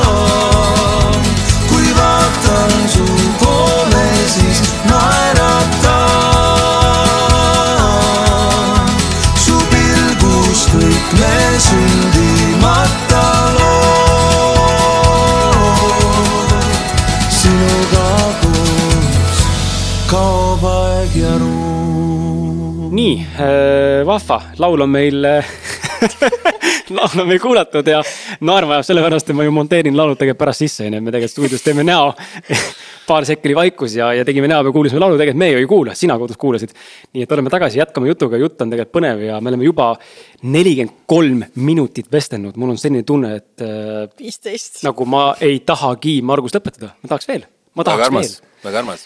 nii et äh, anname veel tuld, Margusel aega on veel siin meil olla, nii et äh, räägi mulle, kuidas, küsimus, mis inimesi nagu kindlasti painab ja, ja mis mind ennast ka mingi aeg nooremana äh, paelus ja ma arvan, et Eliisel täna on ka küsimus, kui sa oled äh, vallaline, kuidas leida ideaalne kaaslane? kuidas ma leian selle õige inimese, kelle otsa ma täna satun ja kuidas teha kõik nii, et mu sammud täna oleksid see, et viiksid mind selle printsini või siis selle printsessini. okei okay,, esimene asi, saada see idee perse, et see peab olema ideaalne kaaslane, nii lihtne ongi. lihtsalt äh, mõista nagu seda, et kui sa tahad endale partnerit, äh, kes oleks intelligentne, voodisoskuslik, hea huumorimeelega, äh, veetlev või äh, šarmantne siis sarnane tõmbab ringi või sarnane tõmbab ringi sarnast tõmbab ligi sarnast, ehk siis nii lihtne ongi, et, et mina proovin alati või olen proovinud elus olla iseenda parim versioon. ma ei ole kunagi vettunud nendes naistes, kellega ma kohtun äh, läbi elu ei ole olnud, mulle meeldivad naised, nad on nii lumbavad, müstilised olendid. samamoodi ma leian, et kuigi mees on natukene oma äh, selliselt olemiselt lihtsam äh, justkui siis mehe, mehena mees olla on niivõrd äge ja väekas. ehk siis nii lihtne ongi, et ära sea endale kriteeriumid, et ta peab olema blond, ta peab olema brünett, ta peab olema vähemalt meeter kaheksakümmend, ta peab olema selline. Fuck it, lihtsalt aktsepteeri neid inimesi, kes su ellu tulevad, ole avatud äh, ole armastust täis või oma võimalikult armastuse seisundis ja nii lihtne ongi, et sa lihtsalt tõmbad ligi neid inimesi, kes sind äh, Äh, sinu energiaga vibreerivad samal lainepikkusel. ma, mul ei oleks mitte midagi muud soovitada, lihtsalt ole iseenda parim versioon, ole iseenda kontaktis, tegele endaga. sea alati esikohale iseennast, ise kui sa oled enne suhet, suhtes, pärast suhet, nii edasi, tegele endaga protsessi ära jama. ja tee nii, et sa oleksid nagu kingitus maailmale, et maailm tõesti oleks parem koht pärast seda, kui sa siit lahkud mul oleks selline küsimus, et äh, kuidas ja mis lausetega sa lähened võõrale naisele? ma tean äh, seda, et mina ei ole väga selline, äh, kuidas see on, külm läheneja või cold mm, -hmm. cold contact nagu inimene, aga kui ma peaksin oletama, et sina oled peol, on ju, mina olen vallaline, sa pakud mulle, jääd silma, on ju, pakud mulle huvi, siis ma olen äh, ma pakun, et ma lähen lihtsalt sinna, ütlen, et tšau, kuule, et ma olen siin linnas uus, on ju, või ma ei, ma ei, ma alles sattusin siia peale, et ega sa ei tea, millal live hakkab või midagi sihukest. hästi clear cut, ohutu küsimus, et isegi kui sa oled suhtes, siis sa ei pea kohe ütlema, mul on boyfriend. on ju, siis sa ütled, noh, et siin see slipper slope läheb peale tead üheksateist null null on ju, aga et siin on veel pool tundi aega, siis ma küsin, okei okay,, aga et äh, kuidas sina siia täna sattusid või mis sa siin ja juba läheb vestlus. mis sa, Kris, vastaksid? Ma olen, ma ei oska sulle tuua nagu konkreetset pitch'i, mida ma ütleksin, aga ma olen näinud enda elus ka, ma ei ole ka väga sihuke sebija. mul on ainult üks, ühe nagu üks partner olnud, seksuaalpartner, oma naine. ja ma ei ole ühtegi nagu, ma ei ole väga sihuke sebija, ma olen alati olnud pigem see tagasihoidlik, ma tean, minus on enesekindlus, mis naistele meeldib, mis, mis, mis seda tekitab, ma ei tea, kas see on. noh, välimus, ma ei ole ju mingisugune lihasmassene ja, ja ei ole võib-olla see ka aga, aga teist... sisemine karisma loeb, Kris, sa tead ju, vaata mees kiirgab selle, siis ütleb, ma ei ole lihasmägi, peagi olema. midagi on see, mis naisi on alati kõnetanud, aga, aga ma ei ole seda kunagi ära kasutanud omakasupüüdlikkuse mõttes. ma lihtsalt suhtlen nendega ja mulle meeldib. selline pühak on, noh, mina olen küll ära kasutanud seda, ma astun ruumi, ma vaatan ja ma olen vallaline, vaadake mind nii. ja nüüd noh, selles mõttes mina ei ole selline pühak aga jaa, ma ei oska selle pitch'i öelda, ma pigem läheks hästi ausalt toorelt ja, ja kui ma tahan rääkida juttu, siis ma ütlekski, et äh, tšau, kuule, lihtsalt eemalt teid silma, tundub huvitav, äh, kas ma võin sinuga suhelda. ja, ja ongi that's it, ma võtaks kohe maha, võtaks kohe välja ka, ma ei unusta, tunnusta ära, ma ei kavatse siin kuskil siin sebima hakata ega veldikusse lohistada, et see ei ole mu eesmärk. kaks väga erinevat lähenemist ma peaks ütlema. ei no aga samas, samas mulle meeldib Krisi see, et tal ei olegi seda pika plaani olemas, et minul on samamoodi, ühel päeval ma võin nii teha, teisel päeval ma tulen sinu juurde, ütlen, sa oled äge, ma olen Margus on ju, ja sealt läheb edasi, et see oleneb kõik sellest, kui nagu alfa meeleolus sa parasjagu oled või, või üldse millises meeleolus, kuidas sa tahad läheneda, see on kõik ju spontaanne. mis on mingid laused, mis te arvate, et äh,, oota, lause läks sassi. mis sa soovid, et poleks nagu naisterahvale mitte kunagi öelnud? Äh, no mina tean äh, konkreetselt ühte näidet, äh, ma räägin seda tegelikult show's äh, laval ka ma ei tahaks, et sellest tuleks Õhtulehe pealkiri, aga ütleme nii. Ehm, kunagi oli, ma olin väga armukade, kümme aastat tagasi umbes ja mul oli väga ilus tütarlaps äh, ja mulle ei meeldinud üldse see, et ta läks äh, klubi õhtule tüdrukutega. tollel ajal ma olin väga selline äh, ebakindel noormees, sest mul ei olnud kogemusi vastassooga veel nii palju. ja siis ta pani ennast hästi, lõi üles, tuli, küsis mu käest, et Margus, et kuidas ma välja näen või kallis, kuidas ma välja näen. siis ma ütlesin talle, sa näed välja nagu L kolm mm -hmm. punkti, on ju. ehk siis, äh, mis mu ebakindlusest tuli tollel hetkel, oli see, et äh, et ma olin selle alla surunud, selle armukadeduse nii väga ja siis, kui ta lõpuks tuli, siis ma ütlesin, on ju. ehk siis äh, loomulikult ma palusin ta käest tuhat korda pärast vabandust, et ma talle liblikas ütlesin, on ju. Aga, aga ütleme nii, et see on kõige äärmuslikum viis, kuidas mina olen naisele paha öelnud või halvasti öelnud. Enda ebakindluse pinnalt mehena olin nagu täielik tropp, ehk siis nagu täitsa pekkis noh ma ei oska niimoodi öelda, ma ei, ei tule ühtegi näidet pähe, ma arvan, ma olen seda, seda litsak-, litsakust olen kindlasti ka enda eh, perspektiivist päris palju nagu näinud ja võib-olla nagu vihjanud sellele mitte enda tänase partnerile, aga võib-olla mingitele eelnevate tüdrukusõpradele või sõbrannadele. kui keegi küsib, et kuule, kuidas ma välja näen, siis nagu ongi, et sorry, aga veits nagu litsakas. et nagu, aga see on lihtsalt olnud nagu otsekohane arvamus, peegeldus ja olemus, mis ma tunnen. mitte, ma ütlen, nii on, on ju, ma tean, tegelikult litsakas ei ole, aga lihtsalt, mis see nagu välja kiirgab kui mehele, et mm. -hmm. mis no, signaali saadab. jah, mis signaali saadab, on ju, kui sa paned ikkagi sügava dekoltee niimoodi, et sul enam-vähem nibu nagu juba paistab, on ju, ja, ja seelik on ka selline, et kui sa korra kükitad, siis no kogu tussu vahe paistab, siis no mida, mis on selle eesmärk nagu, kus, kus sa lähed niimoodi tantsima või no mis, mis nali see on? siis on hea tegelikult jah, kui meessõber ütleb, et äh, kuule, et äh, kui sa tahad, et sind ei objektifitseeritaks, on ju, ja vaadataks nagu lihatükki, siis võib-olla ei ole see kõige parem valik, aga kui meeldib, go with it. Go with it no., jah. pane hullu kuidas tunda ära, et naine on sinust sisse võetud? Sest äh, mu arust on see, et nagu naine saab ülihästi aru, kui nagu ta meeldib mehele, aga kas nagu mehed mängivad, et nagu, et nad ei saa aru või kuidas sellega on? Äh, mehed on ka väga selgeid signaale minu meelest saadavad äh, naisele, kui naine nendele meeldib. naised nagu pigem nagu, et no me mängime siin nüüd mhm. natukene aga selles mõttes mina saan alati aru, see on, see on mingi teatud sügav äh, pilk, millega naine sind vaatab, ta on korraks nagu, nagu süveneb, ta pupillid laienevad, siis ta natukene naeratab, siis pöörab nõnda ära pea nõnda natuke häbelikult. ehk siis äh, tegelikult on naise puhul ka väga hästi aru saada, aga see oleneb vist kogemusest ka. ma arvan, et ka pühendumus, äh, olgu see siis Messengeris, olgu see siis telefonis suhtlemine, olgu see siis sinuga väljas käimine, see tihedus ja frequency nii-öelda nagu järjepidevuse mõttes. et kui ta ikkagi oma päevast äh, kingib sulle kõne jaoks või sinuga kohtumiseks viis minti oma kiirest päevast, kümme minti enda kiirest päevast või, või ma ei tea, kas kommenteerib su pilti, laigub, laigib su pilti, no ma ei tea, mingid siuksed nagu e-, e-, eba, nagu olulised näited, aga selles mõttes nagu, et hästi laia repertuaariga võimalik neid märke lugeda, et äh, mm. kui sa saad tähelepanu seal naiselt, rohkem kui saavad teised kutid, siis seal on ilmselgelt midagi, kas sa oled väga hea sõber või seal on midagi enamat aga ma nagu jah, ei oska ka rohkem välja tuua, ma lihtsalt, ma lihtsalt loen neid asju, kui palju naine mulle pühendab ennast. ja, ja mul on ka alati hästi lihtne, et mina olen nagu julge, et ma küsin, et tead, et mulle meeldiks, sa, sa meeldid mulle, saame kokku, on ju. et kas sulle sobiks paremini näiteks neljapäeva õhtu või reede õhtu, need no mõlemad vaba, mul vabad. ja kui siis naine ütleb nagu, et no ma olen siis tööl. Ja siis nagu ta ei paku välja, et jaa, aga, aga mul on vaba mm -hmm. näiteks laupäev või pühapäev või esmaspäev. siis mul on nagu see, et kuule, puhka jalga, et nagu mina ei hakka nagu vale puu all laukuma ja siis mm -hmm. ok, tšau, pakaa ja, sest et kui sul on huvi, tegelikult ise mõtle ise, kui sul on huvi kellegi vastu või sa tegelikult midagi väga tahad saada ja sulle üks plaan, variant A ei sobi. siis sa ju ise automaatselt pakud ka variant B-d, sest tegelikult ikkagi tahad seda teha, tahad mm. seda kogeda, sa pakud alternatiive ja see on ka jälle üks vihje, kuidas aru saada. ma arvan üldse naiste ja meeste vahelises suhtluses on tohutult naljakas see, kuidas inimesed ei suuda loobuda mm. -hmm. Nad on nagu nii klammerdunud justkui, et oh my god, aga ta pööras mulle see õhtu tähelepanu, naised hästi tihtipeale mängivad meestega, on ju.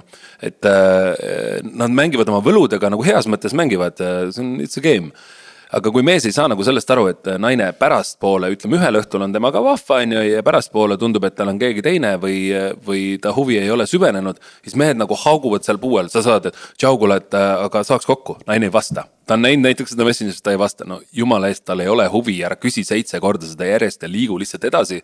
ja korja oma eneseväärikust sealt põrandalt üles ja ole, ole õnnelik, noh aga seda on väga raske tegelikult ju teinekord teha, isegi mitte ainult armastussuhetes, kuigi seal saab kõige valusam kogemus olema see, kus sa saad nagu hüljatud ja öeldakse, noh see friend zone või lihtsalt selline, et.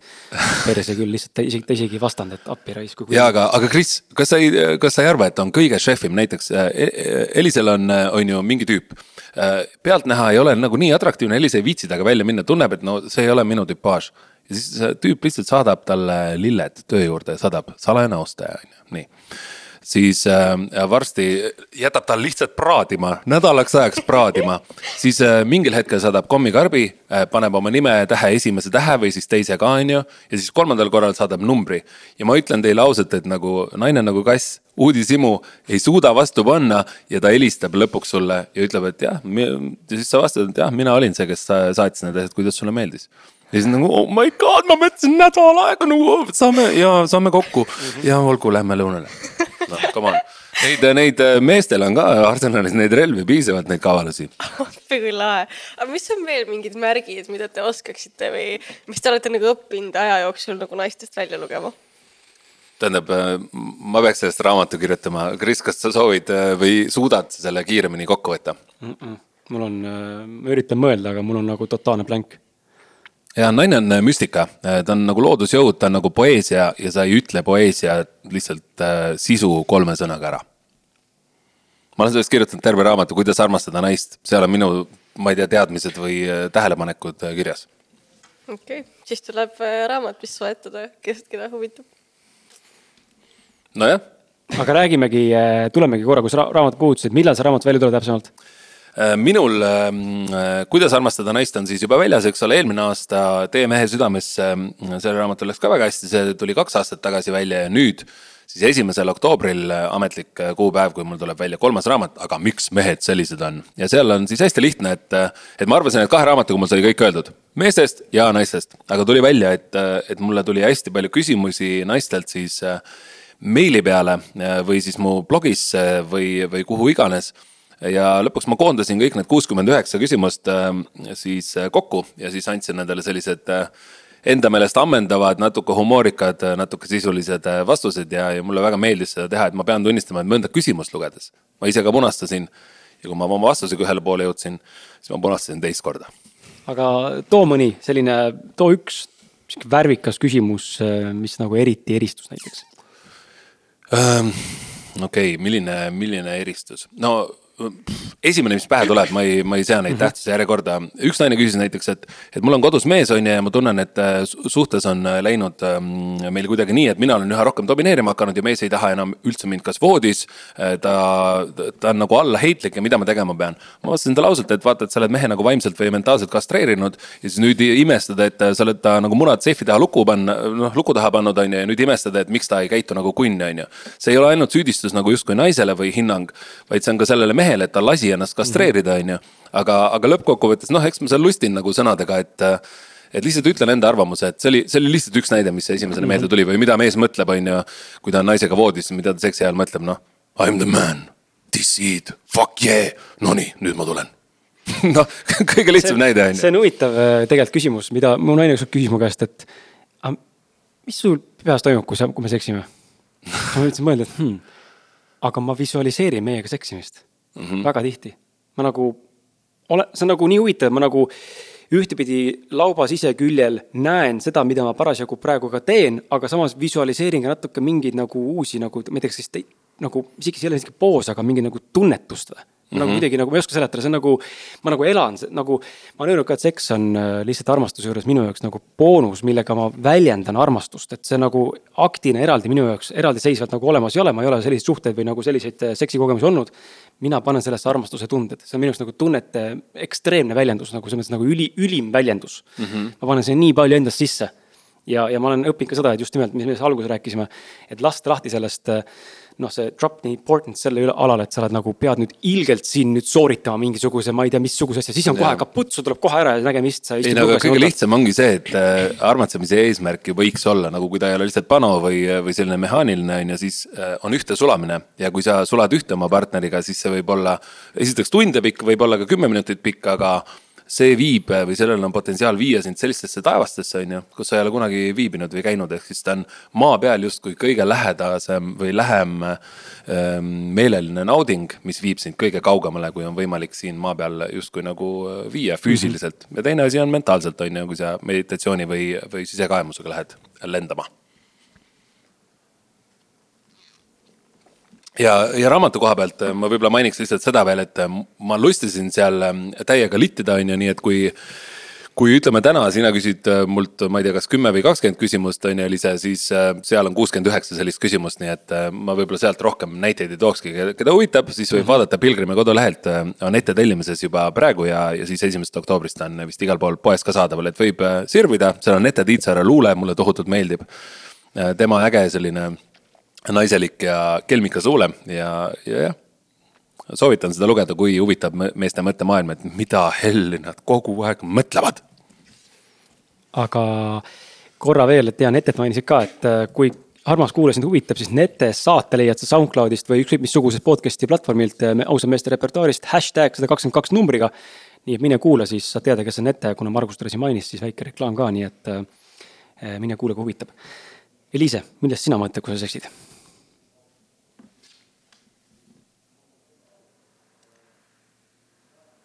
Oh my god, ta võiks seda kauem teha.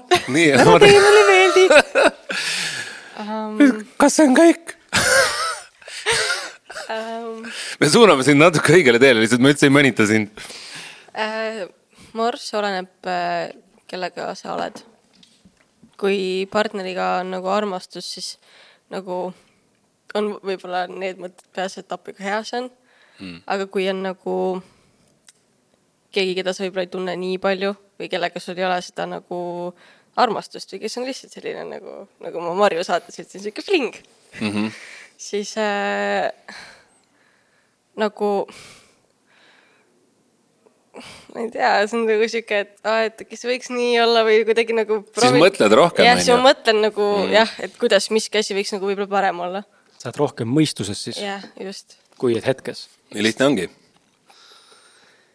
Okei okay, ähm Margus, sa oled, äh, tuleme selle suhte juurde, sa oled täna suhtes äh, endast pisut noorema naistega, et äh, kuidas, kuidas üldse teie teed ristusid selles mõttes, et mitte, et see vanusevahe nüüd mingi ulme ekstreemne asi maailmas oleks siin, aga, aga noorem on ta ja, ja kuidas sa, kuidas, mida see suhe on õpetanud sulle, kuidas sa nagu tuled toime sellega, kas seal on, kas kahekümnendates aastates oleval naisel on vahe, kes on kolmekümnendates mida sa nagu, mida sa nagu näed mingitest erinevustest või taipamistest? okei okay,, üsna mitu küsimust, aga, aga ma alustan lihtsalt, et äh, kaks aastat tagasi põhimõtteliselt sattusin äh, kuskil naistepäeva kontserdil või tema naistepäeva kontsert oli siis bändis Revals. sattusin äh, kuhugi Rakverre kuulama seda kontserti, väga vahva oli, pärast seda läksin, kinkisin talle enda esimese raamatu, ütlesin, et aitäh elamuse eest, näed, kingin sulle tänutäheks selle. siis ta pool aastat minuga ühendust ei võtnud, kuni äh, kuskil juunikuus või juulis, äh, augustis ta oli kuskil Horvaatias puhkusel, siis saatis enda pruunide ilusate põlvede peale selle raamatu avatuna, et nüüd alustasin. ja siis äh, hakkasime seal natukene suhtlema ja nädala pärast oli Eestis tagasi ja siis ma võtsin ta endale. sest ta oli nii nunnu ja armas. aga ühesõnaga, et äh, kuidas see suhe välja näeb, on hästi lihtne, et kui mina olen jah, kolmkümmend kuus, tema kakskümmend neli või viis, siis äh, minu meelest hingedel ei ole vanust, noh, selles mõttes, et, et kui sa oled kellega, kellegagi samal lainepikkusel, siis võib-olla noorsoosplussid isegi veel on need, et, et ei ole neid ähm, pekki läinud suhteid, kolm lahutust, seitse last on ju erinevate isadega ja nii edasi, et mul ei ole vaja sellega nagu nii väga diilida, et ta on nagu rohkem puhas leht. ja mulle meeldib ka see, et ma saan oma mehelikku tarkust või või teatud äh, loomingut äh, temaga jagada ja näidata, kuidas minu meelest eluterve suhe võiks olla ja selline harmooniline. Ja mulle tundub, et talle hästi meeldib see, et ta on harmooniline ja on võimalik nii, et sa räägid inimesega kõik selgeks, äh, paned oma piirid paika, kogu aeg suhtlete, et pidev kommunikatsioon on olemas ja tema oma naiseliku õrnuse ja sellise tarkusega jälle õpetab mind ja paneb mind nagu mehena esiteks väga kunnina tundma, on ju, sest ta on väga noor, selline ilus, särav kuidas ma ütlen, nooruslik ja, ja armas äh, naine, et äh, tema toob minus välja mehena selle nagu yeah man. vot, kõige lihtsam kirjeldus äh,. kuidas sa ütleksid äh, ära naisele, kui ta sulle ei meeldi um,? kuidas ma ütlen naisele ära, kui ta mulle ei meeldi, aga ma olen valaline või mm? -hmm. aga nagu niimoodi viisakalt, et sa ei riiva nagu tundeid ma ütlen sulle kohe, kuidas ma ei riiva su tundeid ja panen sind veel hästi ka tundma, ma olen seda kasutanud. et äh, oletame, et inimene arvab, et ma olen vallaline, kirjutab mulle Instagrami, et kuule, tšau, nägin sind seal esinemisel, oh my god, sa oled nii hot, tahaks tuttavaks saada. ja ma vaatan, et okei okay,, see hot tunne ei ole vist vastastikune, on ju. siis ma võib-olla pigem vastaksin sulle, et, et tšau, Liise, et aitäh sulle kirja eest, et äh, üliarmas pakkumine ja tead, ma pean tunnistama, et ma võtaksin selle väga hea meelega vastu. aga kuna ma hetkel käin kohtingul ühe teise tütarlapsega siis minu meelest ei oleks nii äh, sinu suhtes, tema suhtes kui ka minu suhtes õiglane, kui, kui ma käiksin väljas kellegi teisega paralleelselt. et äh, tšau, pakaa praegu on ju ja kunagi tulevikus suhtleme sa oled leebelt pikalt saadetud, on ju, kui sa mulle ei meeldinud. tunned ennast veel hästi, oh my god, selline härrasmees on olemas ja mina lihtsalt äh, rokin ja rollin edasi. või kuidas sa tunned, kui ma sellise kirja sulle kirjutaks? No kui ma teaksin, et see on nagu võib-olla ei ole nagu või noh, et kui see on nagu vale, siis ma oleks küll mingi. aga kust sa saaksid seda teada, et no, see on vale? kui ma tean okay., aga nagu kui noh, ma ei tea, kui ma, kui sa, kui ma ei teaks seda ja sa niimoodi kirjutaksid, siis ma oleks lihtsalt mingi okei okay,, aga sa ei teagi ju, kas see on äh, vale või õige, sest sa ju ei tunne inimest, ta ju kirjutab sulle siiralt ja tegelikult ta mõtlebki siiralt. jah sõnakasutus on lihtsalt selline mängulisem ja leebem. Kui otse öelda, et ja sa, sa tahtsid ju, et ma ei solvaks sind, sellega ma ei solvanud ju. et äh, kuule, tšau, et äh, sa näed välja nagu krokodill, that's never gonna happen on ju. et sellist kirja sa minu, minu poolt kirjutatuna praktiliselt kunagi ei leia. aga kui, kas siis mehele öelda samamoodi või? kui muidugi, see on, see on väga armas, samas tegelikult mehele vist ei tohi nii leebelt öelda, siis, siis ta on nagu mingi kahe nädala pärast, aga nüüd mm, -hmm. aga nüüd, aga nüüd, siis ütle talle, tead väga armas äh,, aitäh sulle kirja eest, et äh, ma olen meelitatud, et sa mind välja kutsusid, ütle kõigepealt kompliment mehele, mehel on vaja nagu vaja seda kuulata, kui sa enne, kui seda pikalt saadad, on ju. Ja siis ütled, et äh, tead, ma ei ole praegu oma elus sellises faasis, kus ma tahaksin kohtuda uute inimestega, et mul on vaja protsessida oma eelmist suhet või siis, et mulle tundub, et me nii hästi ei sobi. aga aitäh sulle kutse eest ja olen kindel, et sa teed mingi naise väga õnnelikuks, on ju. see on pigem nagu leebem, sa oled lugupidav mehe vastu ka ja tegelikult on ikkagi pikalt saadetud ma arvan, et see on väga oluline, ongi see mehe tunnustamine, mis sa Margus välja tõid ka, et äh, vahet pole, kas see on pikalt saatmine või mitte, aga, aga mis ma tahaks nagu, mis ma ise näen, et ilusad tüdrukud, kes on nagu pilt ilus tüdrukud. kui sa praegu mm -hmm. juhuslikult tuleb pilt ilus tüdruk, kes kuulab seda siin, siis palun. Äh, minu soovitus on see, et kui sulle mehed lähenevad, siis kindlasti tunnustus, sest väga raske on läheneda pilt ilusat tüdrukule, sest et te olete juba loonud endast mingisuguse ebarealistliku kuvandi mm. -hmm. mis võib-olla üldse ei ole tõsi, võib-olla sa oledki vallaline, oledki valmis võtma endale mingisuguse malbe mehekese, kes tuleb aga me ei julge läheneda, sest me juba eeldame, et sul on eos ette mingi sada viiskümmend venda seal ümber, kes nagunii ma elu sees nagu ei saa löögile. nagu tunnustasid vähemalt, ma julgesin sammu teha, sest et see on, sest et hai, mehele nagu korvi, noh, mehe korvi saamine paneb tegelikult päris korraliku põntsu teinekord. mida rohkem sa saad, seda lihtsamaks see läheb vist, aga ma ise näen oma elust mineviku pealt, kui ma olen ikkagi saanud korvi kellelegi, kelle, kelle vastu mul nagu mingi kiindumus tekkinud.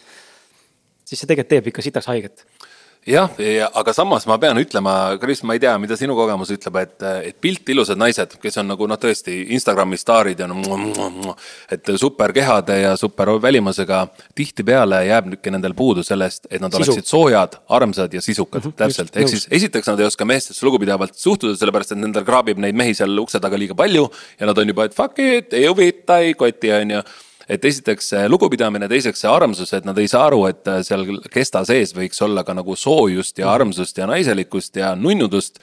Ja kolmandaks nad arvavad, et heast välimusest, heast persest või, või rindadest või näost piisab selleks, et olla voodis hea. kõige halvemad voodikogemused, mina pean tunnistama, on minul olnud pilt ilusate naistega ja kõige paremad on olnud pigem klassikalises mõttes mitte iludustega, nii lihtne ongi sest mm -hmm. inimene, kes on väljast nii ilus, ta lihtsalt ei panusta sellesse, et tal oleks ka sisu nii palju. enamasti, muidugi aeg-ajalt juhtuvad, jackpot on ju. super naiselik, super ilus, tark, humoorikas, voodis jumalanna, no siis on fuck it, ma võtan ta endale siis põruta Marsile, et keegi, keegi teine ei saaks. just, just, just. aga põhimõtteliselt küll jah, et äh, ma ei tea, sul Liise äkki naisterahvana on jäänud selline mulje, me mingis saates rääkisime ka vist sellest. aga äkki Marjuga oli see kuidagi tuli teemaks, aga just seesama teema, et mina ka ei vaata neid piltilusid tüdrukuid ma lihtsalt ei näe seal seda sisu, mida ma tahan saada, et äh, seal lihtsalt ei ole seda. ja üks asi on see, et sa ei vaata, on ju, aga teiseks on ka see, et äh, paljud naised meigivad ennast nii üle, et nad mm -hmm. näevad välja nagu isikupäratud puudlid, kellel on nagu värvitud huuled, on ju, et selles mõttes ärge tehke naised, te olete nii ilusad ja nii isikupärased ja nunnud, miks te peaksite välja nägema nagu tuhat tükki Eestis nagu Kim Kardashianit? no mhm. milleks? vaata, Elisa, sina oled siin, on ju. sul on väike huulevärv, natukene ripsmeid värvitud ja sa näed välja nagu tõsiselt nummi, armas ja veetlev, on ju. ilma selleta, et sul oleks nagu mingi kolm millimeetrit äh, krohvikihti peal ja see on nagu tohutult ilus, kompliment sulle. -hmm. Mm -hmm. sellepärast Eliise mulle saates äh, esimese kohtumise kohe meeldiski, temas oli see naiselik äh, mingi sära ja sihuke nooruslik, sihuke ilus, seksikas olemis mm. -hmm. ja mitte üldse ma siin vaataksin nagu mingit seksistlikku objekti, vaid lihtsalt ma tundsin ära mehena, et see naine on. jah, ta täiendab ta sind, on ju. ja temas on sisu ja seda naist tuleks hoida ja sellel on vaja partnerit õiget. aga mm -hmm. mina ei saa täna see olla. kui ma oleksin vallaline, võib-olla tahaksin olla, aga mm, -hmm. aga need on minu ausad mõtted. aga päriselt sellist, sellist tütarlapsi mina, mina vaatan. ja ongi nii lihtsalt. mehed vaatavad. sest mis on naise puhul kõige olulisem, see, et ta oleks armas mm, -hmm. kõik kui sa oled cold hearted bitch, ilus nagu äh, ma ei tea, mis asi, no ei tõmba. kui sa oled külm, puhka jalga mm. -hmm. nii et Eliise, sinu küsimus, järgmine, tulista. Te teete siin nagu väga, väga ilusti ja väga armsasti komplimente, aga äkki te oskate nagu noortele härradele ka võib-olla nõu anda, et kuidas teha enesekindlalt komplimenti? aga see on ju hästi lihtne, lihtsalt äh, tee seda siiralt ma ei tea ühtegi naist, kes oleks mulle elus öelnud nagu, et kuule, mida sa, mida sa püüad liine ajada siin või et äh, puhka jalga, kuule, et see ei ole minu maitse. sa oled naise juurde, ütlesid, tead, ma ei taha sinust mitte midagi, ma lihtsalt märkasin, et äh, sa kiirgad nii naiselikkust, armsust ja sellist äh, teadlikkust või ennast väärtustavat naist, ma tahtsin sulle seda lihtsalt öelda, muud ei ole midagi, ilusat päeva sulle. aga naine on nagu nii mees läheb minema no.. ma tahan oh., ma tahan seda meest. oot, oot, oot, ära mine veel ära, on ju nagu. ja ei, selline asi muidugi aja mingi lihtsalt jätaks mingi suu lahti, aga ma ise olen nagu näinud seda, et mees tuleb, on ju, ütleb midagi ja siis kuidagi sihuke akvard on või sihuke, et ta nagu või kuidagi nagu. ja, aga see, see ongi see, et esiteks mehed võiks aru saada, et kui sa naisele komplimendi teed, sul ei ole mitte midagi häbeneda, vaata talle silma, ütle talle, tead, ma lihtsalt tahtsin sulle öelda, et sa oled fucking äge naine on ju, ja siis lisad sinna need omadussõnad, mida seda kohta öelda, et ütled, vaatad talle silma, lubad naisel nagu tänada ennast siiralt, on ju. ja ütled, et, ähm, et äh, lihtsalt küsin, et kas sa oled muidu vallaline või mitte. on ju, siis viskad mingi nalja nagu sinna, on ju. või midagi sihukest. mul oli äh, sarnane situatsioon, tuleb kohe meelde, kui Margus rääkis enda lugu, ma läksin äh, Worklandi mõne, mõne, üks, üks pool aastat tagasi uurima stuudio nagu ruumi ja siis mul tuli vastu kolm tütarlast, üks oli seal, no kõik töötasid seal mm. -hmm. millegipärast tulid kõik mu kohtuma, kõik olid nagu reaalselt, no väga ilusad tüdrukud, väga mm -hmm. ilusad naised. ja siis ma seisin seal, võtsin jaki sellest ära ja vaatasin otsa ja tundsin nagu, et. et sa oled surnud ja taevasse sattunud. Nagu ja te olete nagu nii ilusad tüdrukud ja ma tundsin, pean ütlema neile seda. ma ütlesin, teate tüdrukud, enne kui edasi lähme, siis ma lihtsalt tahan öelda, et äh, te näete täna kõik fantastilised välja. nagu te olete väga ilusad naised ja mul on nii hea meel, ma saan teiega täna siin olla no,. kõik olid niimoodi aa, meil ka, tore, et on ju. ja ma ei teinud seda fake'ina, vaid päriselt minu sees oli tunne nagu ma, te olete nii ilusad, ma lihtsalt tahan teile öelda seda, ilma ma teid sebiksin. ma ja. olen suhtes, mind ei huvita, aga ma tahan teile teha komplimendi. ja nad tegelikult läksid lahti ka. jaa, täiega ja siis avanes see koostöö, noh, et ja. Äh, ongi. aga teine äärmus, kui Kris on selline romantik, siis mina olen küll proovinud niimoodi, et äh, see vana tarkus, kui on väga ilus naine, tee kompliment talle ta isiksuse kohta. kui ei ole megailudus, tee ta välimuse kohta toimib alati, et noored vändagangsterid, kõik, kes te kuulete, olge lisaks viisakad ja siis äh, pange seda ka tähele nii. ka toimib äh, kas meestele on see häiriv, kui naine kiindub neisse liiga palju või näiteks küsib kogu aeg, et kas sa ikka armastad mind? no see, see tõesti ei ole väga sümpaatne, et, et naine kerjab nagu armastust. ma arvan, et äh, see on ebapiisavuse tunne lihtsalt, mis naises välja lööb, siis võib-olla mees peakski talle ütlema, et tead, armas et äh, ma tahan sulle alati öelda, kui ma sind armastan ja ma ütlengi, aga et äh, vahel, kui sa tahad teada, et ma sind armastan, siis lihtsalt ütle seda, et tead, et täna ma tunnen ennast natukene halvemini, et võib-olla ma vajan veidi rohkem hoidmist. aga et see oleks nagu, aga armastad, aga nüüd, aga nüüd on ju jälle, et ma, mulle, mulle kuidagi ei meeldiks, Kris, kuidas sul? ja ma olen nagu selles mõttes sellega nõus, et äh, lunida neid komplimente nagu ei ole nagu sobiv selles mõttes, et raske on nagu seda anda ka siis, kui sul nagu küsitakse. no see ei ole ju siiras. kinnita mulle nüüd, et ma sind armastan, no ja, miks, miks ma pean seda kinnitama ja nagu see lööb nagu nii errorisse, pigem mm. -hmm pigem nagu anna nagu teistmoodi märku ja, ja las ta, las ta olla omas, omas nagu elemendis ja teistpidi vaata ka ennast, et kui sul see küsimus tekib, siis noh, noh, naise või mehena siin tegelikult pole vahet. et eh, miks see sinus on, kas sul on mingi alaväärsuskompleks või mm.? milles sa kahtled, oled ise teinud pattu või? ma ei tea, et nagu hakka mõtlema, miks see küsimus minus esile kerkib, see kahtlus, kas ta mind armastab, mis ma teinud olen valesti äkki no, ma olen, äkki ma olen teinud midagi, äkki ma ütlesin sitast eile, täna ta käitub teistmoodi, veits on umbes on omadega mees või naine. ja siis tuleb see küsimus, et kas ta ikka armastab mind, aga siis mõtle, mida sa eile ütlesid. mõtle, mõtle selle peale, kui väga sa ennast ise armastad, sellepärast et äh, sul tekib ainult see kahtlus siis, kui sa ennast ise ei armasta või sa ei ole endaga nii väga kontaktis. alati, kui sa ennast armastad, sul ei teki küsimustki, kas äh, teine võiks sind armastada või mitte. kui see päev ükskord saabub, kui ta ütleb, et kuule, et ma ei armasta sind enam, siis on nagu, et aitäh sulle koosolekut aja eest, tšau, pakaa mm -hmm., noh selles mõttes, et siis sul ei ole seda nagu, oh my god, mis ma valesti tegin mm -hmm. jälle. noh, et siis ei ole seda ohvri rolli ja muud paska, et äh, kui sa tunned, et äh, sa ei ole kindel oma partneris või pead talt kogu aeg küsima, siis lihtsalt tegelikult tegele ainult iseendaga, nii lihtne ongi.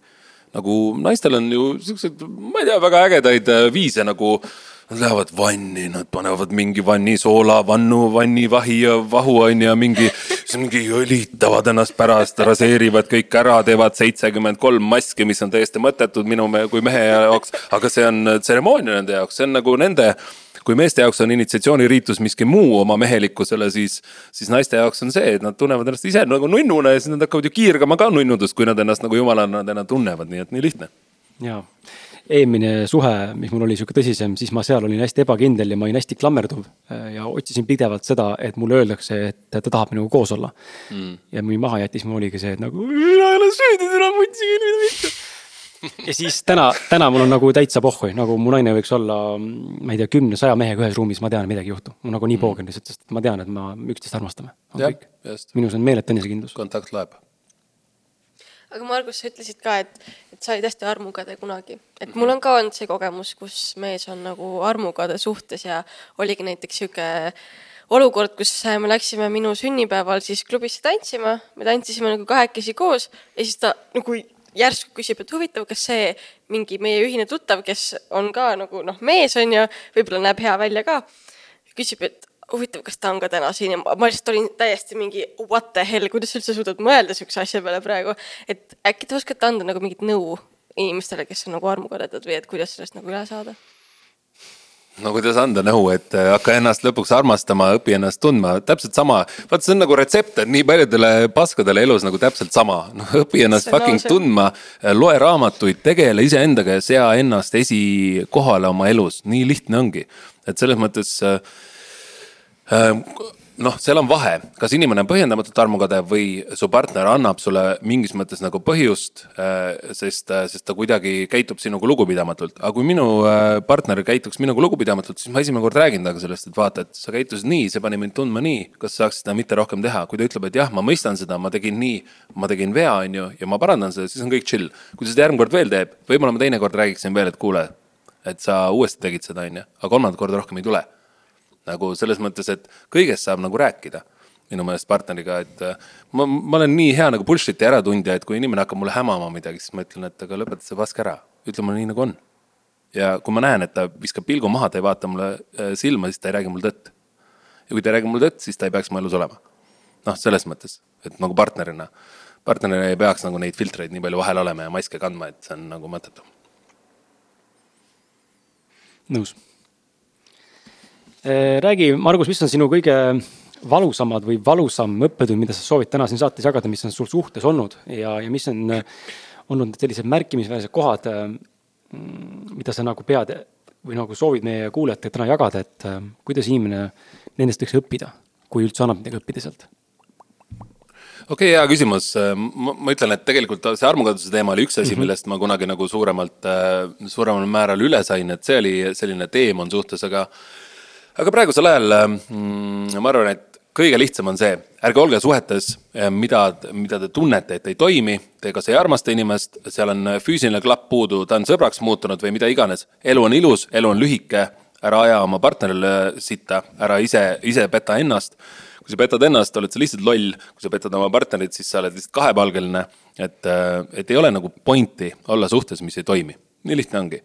räägi ära, üks päev on sitt olla, nädal aega nutad, siis äh, leiad partneri, kes sinuga tõsiselt vaibib. mina ei ole seda meelt, et äh, vaata, Kris, sina oled selline monogaam on ju ja näiteks ühes suhtes, sellises sügavas suhtes olnud ja ühe naisega olnud et, et mina vastukaaluks võib-olla natuke liberaalsem, kunagi olin äh, hästi sarnane Krisile ja tema äh, tõekspidamistele praegusel ajal. pigem mina olen selline, et, et ei pea olema ühe inimesega elu lõpuni koos, oled nii kaua, kuni tema sulle kingib, sina kingid talle, teie vahel on normaalne energiavahetus, hea mõlemat täiendav energiavahetus. kui see mingil hetkel läheb nii, et üks partner areneb eest ära, nagu naised tegelikult tihti teevad ja mehed jäävad kuhugi arengus seisma, sellepärast et nad on oma mugavustsoonis või vastupidi, loomulikult täpselt samamoodi võib-olla, siis äh, räägi oma partnerile, tead, et äh, esimesed korrad lihtsalt ütled, et kuule, et areneks koos ja, ja sa oled äkki noh, et vaata oma elu üle kuidagi, kui ta ei võta seda kuulda, noh. Miks sa peaksid nagu seinaga rääkima, mulle ei meeldi seinaga rääkida, see tundub mulle nii ebaefektiivne ja rumal. ma tahaksin võimalikult nagu, kuidas ma ütlen, täisväärtuslikult oma elu elada, siis ma ei viitsiks nagu haukuda seal puu all jälle, mis, mis ei ole noh mis ei tooda mitte midagi, lihtsalt liigu edasi. elu on ilus, elu on lühike, inimesed on nii erinevad, nii ägedad. unustage ära see the one, fuck the one, see on romantiline idiootne kujutelm loodud, et kõigil on ainult üks partner. Minu meelest on selle kohta isegi uuring olnud, et füsioloogiliselt ja emotsionaalselt ja nii edasi sobib ühele inimesele ütleme terve maailma peale, seitsme miljardi inimese peale näiteks kümme tuhat partnerit. no üks ei sobi, noh võta vahepeal mingi pool sobiv, see ka ei, tundub, et ei sobi, on ju, liigu edasi, sul on kümme tuhat veel varianti, puhka jalga ja ära, ära lollita ennast. aga seal, äh, kas äh, hea suhte juures on sinu jaoks ka, Margus, oluline see, et äh, just me rääkisime arengust, et nad, et kui paaris olles, siis võiks olla see areng paralleelselt nagu samas suunas, samas vallas või pigem, kui samas vallas ei ole näiteks, et oletame, te ei ole kumbki muusik või kumbki tegele enesearenguga, siis vähemalt võiks üksteisega jagada seda, kus ta mingis vallas nagu liigub, areneb, et oleks kogu aeg nagu mingi läbiv arusaamine, kus mu partner täna enda arengus nagu on jah, aga kui on kaks paigalseisvat rolli, siis on ju jumala happy times on ju, siis nad sobivad, on ju. aga lihtsalt ongi see, et kui käärid tekivad sinna, et üks tahab jubedalt areneda, tal on eneseteostus oluline. Äh, talle, teda ei koti mugavustsoon, ta saab aru, et iga seisev digivesi läheb halvaks, on ju, või roiskuma. siis äh, ja teine on seda meelt, et noh, chill'iks siin digikaldal ja püüaks sogalikke, on ju, siis noh. siis loomulikult ei toimi, minu, mina olen nii äh, ekspressiivne inimene, et mina räägin alati mis mul parasjagu toimub ja mis mu eesmärk on, on ju, et neljakümne aastaseks see eesmärk äh, praegu mulle meeldib. ma lihtsalt tegelen sellega, mis, mida ma armastan, see on nagu kõige lihtsam ravim õnnelikuks eluks nii-öelda minu meelest. ja kui mu partner mingil hetkel peaks väga seisma jääma, et teda ei koti ja tema tahaks ainult äh, ma ei tea, Netflixi vaadata ja ma ei tea, kaks korda nädalas seksida ja lihtsalt tööl käia, siis nagu see ei ole minu jaoks. lihtsalt, mul on vaja partnerit, kellel on oma ambitsioon, oma äh, oma initsiatiiv, omad eesmärgid, et ta inspireeriks mind samavõrd, kui mina kahtlemata inspireerin teda. jah, Kris, Elisa, on teil midagi lisada? ma nõustun sellega, aga. aga tuli ära, aga. ei nagu. aga sa eksid aga sa eksid jah. ei, nagu ma olen mõelnud selle teema peale ja siis mul on nagu pähe tekkinud nagu siuksed küsimused, et, et äh, a la kui näiteks äh, mees väärtustab näiteks seda, et, äh, et ma ei tea, kolmekümnendaks eluaastaks tuleks mingi rahaline kindlustatus, näiteks ta tegeleb investeerimisega ja töö on ju. aga kui mina nagu ei oska ja nagu ei ta-, noh, mitte, et ma tean, et see võiks olla nagu õige viis, kuidas nagu ülejäägiga nagu tegeleda ja kuidas seda nagu manageerida. aga ma ei oska niimoodi hästi või nagu noh, see ei ole nagu see teema ja nagu koht, kuhu ma oma aega ja nagu tähelepanu nagu paneks, siis et kas nagu, et kas mees on siis nagu mingi, et aa, et meil ei ole samad väärtused või? Ei no aga see on ju täiesti professionaalne huvi, et, et see ei pea üldse ühtima. selles mõttes, et inimestel on teineteisele pakkuda nagu, meil on erinevad kaubad. ütleme, et äh, mina olen kolmekümne kuue aastane mees, on ju, mida minul on naisele pakkuda? kindlustunnet, äh, teadlikkust, äh, mehelikku lugupidamist, head seksi ja nii edasi, on ju. mida on nooremal naisel, kellel ei ole võib-olla samu huvisid, mis minul pakkuda, on oma naiselik soojus, armsus. Need ekvivalendid on nagu nii erinevad, et me teeme nagu kogu aeg heas mõttes kaupa, ehk siis see on energiavahetus vahetus. selleks, et kui mina oleksin investeerimispankur, tõenäoliselt sina ei peaks olema investeerimispankur, sa võid olla ka nagu kodukana kõige paremas mõttes, hoolitseda laste eest ja nii edasi. see on sinu suur panus, sinu valdkond, milles sina oled nagu viimase leveli lõpuboss. et see ei pea kuidagi nagu ühtima aga kui sa ütled, et, et lihtsalt, et noh, su mentaliteet on nagu tagurlik, aga minul on edasiminek, siis, siis me lihtsalt tõmbame teineteist alla, siis on nagu tuvi ja kotkas on ju, et tuvi saab kilomeetri kõrgusele on ju lennata maksimum. kotkas saab seitsme või kaheksa kilomeetri kaugusele ja siis mina tuvina pean kogu aeg nagu või noh, mina kotkana või tuvina, mis iganes, pean kogu aeg teisega nagu kohanduma ja kumbki ei saa oma maksimumi tegelikult väga, väga nagu saavutada. ma lihtsalt soovitan alati seda, et kui te saate mehega kokku, näiteks olete naine või saate naisega kokku vaadake seda niimoodi, et äh, hinnake adekvaatselt ära enda peas, et kui on kaksteist suhteklassi, mitmendas klassis teie käite? kui sina, Eliise, käid näiteks kahekümne aastase naisena on ju viiendas klassis äh,, suhteklassis, mis on väga hea, sest sul on ainult äh,, sa oled poolel teel juba on ju, aga mees käib nagu esimeses või teises. no hui bljet noh, selles mõttes, et nagu sa oled tark, andekas, ilus, potentsiaalikas naine ja kui su partner on lihtsalt võib-olla väga tore mees, aga ta emotsionaalne intelligentsus lihtsalt kuidagi ei vasta sinu omale, siis nagu miks sa peaksid pingutama, sa ise ei saa edasi minna, pead kogu aeg teda nagu järgi tarima ja tema lihtsalt nagu toitub sinust nagu vampiir. ma ei tea, mis teie arvate? ma küsiks Eliiselt äh, sinult kohe, et mis sa, kuidas sina tõlgendad, Eliise, emotsionaalselt äh, küpsust või sellist nagu olemist, et kuidas sa sellest aru saad, kui me räägime, mees on emotsionaalselt küps äh,. kuidas see sinu maailmavaates või peas nagu kõlab või, või kuidas ta nagu väljendub, joonistub?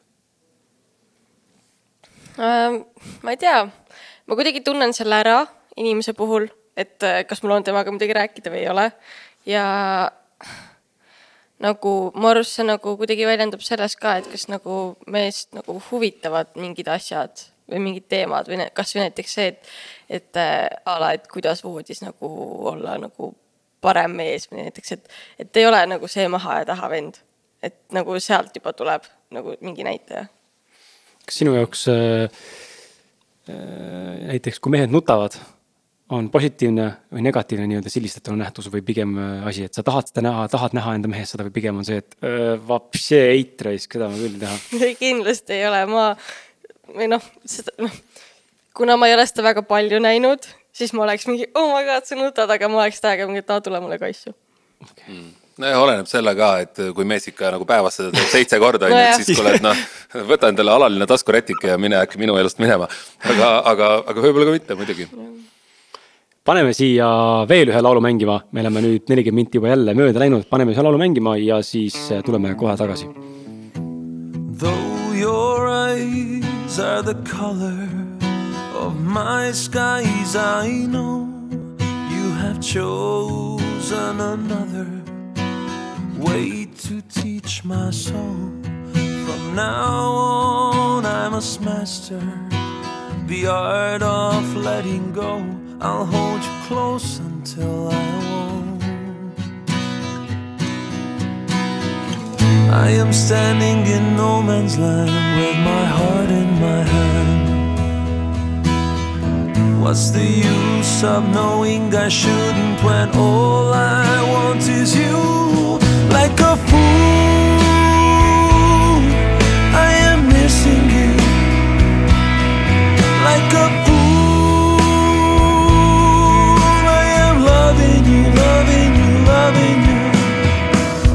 I got to know the best of you. Would have gladly taken the rest.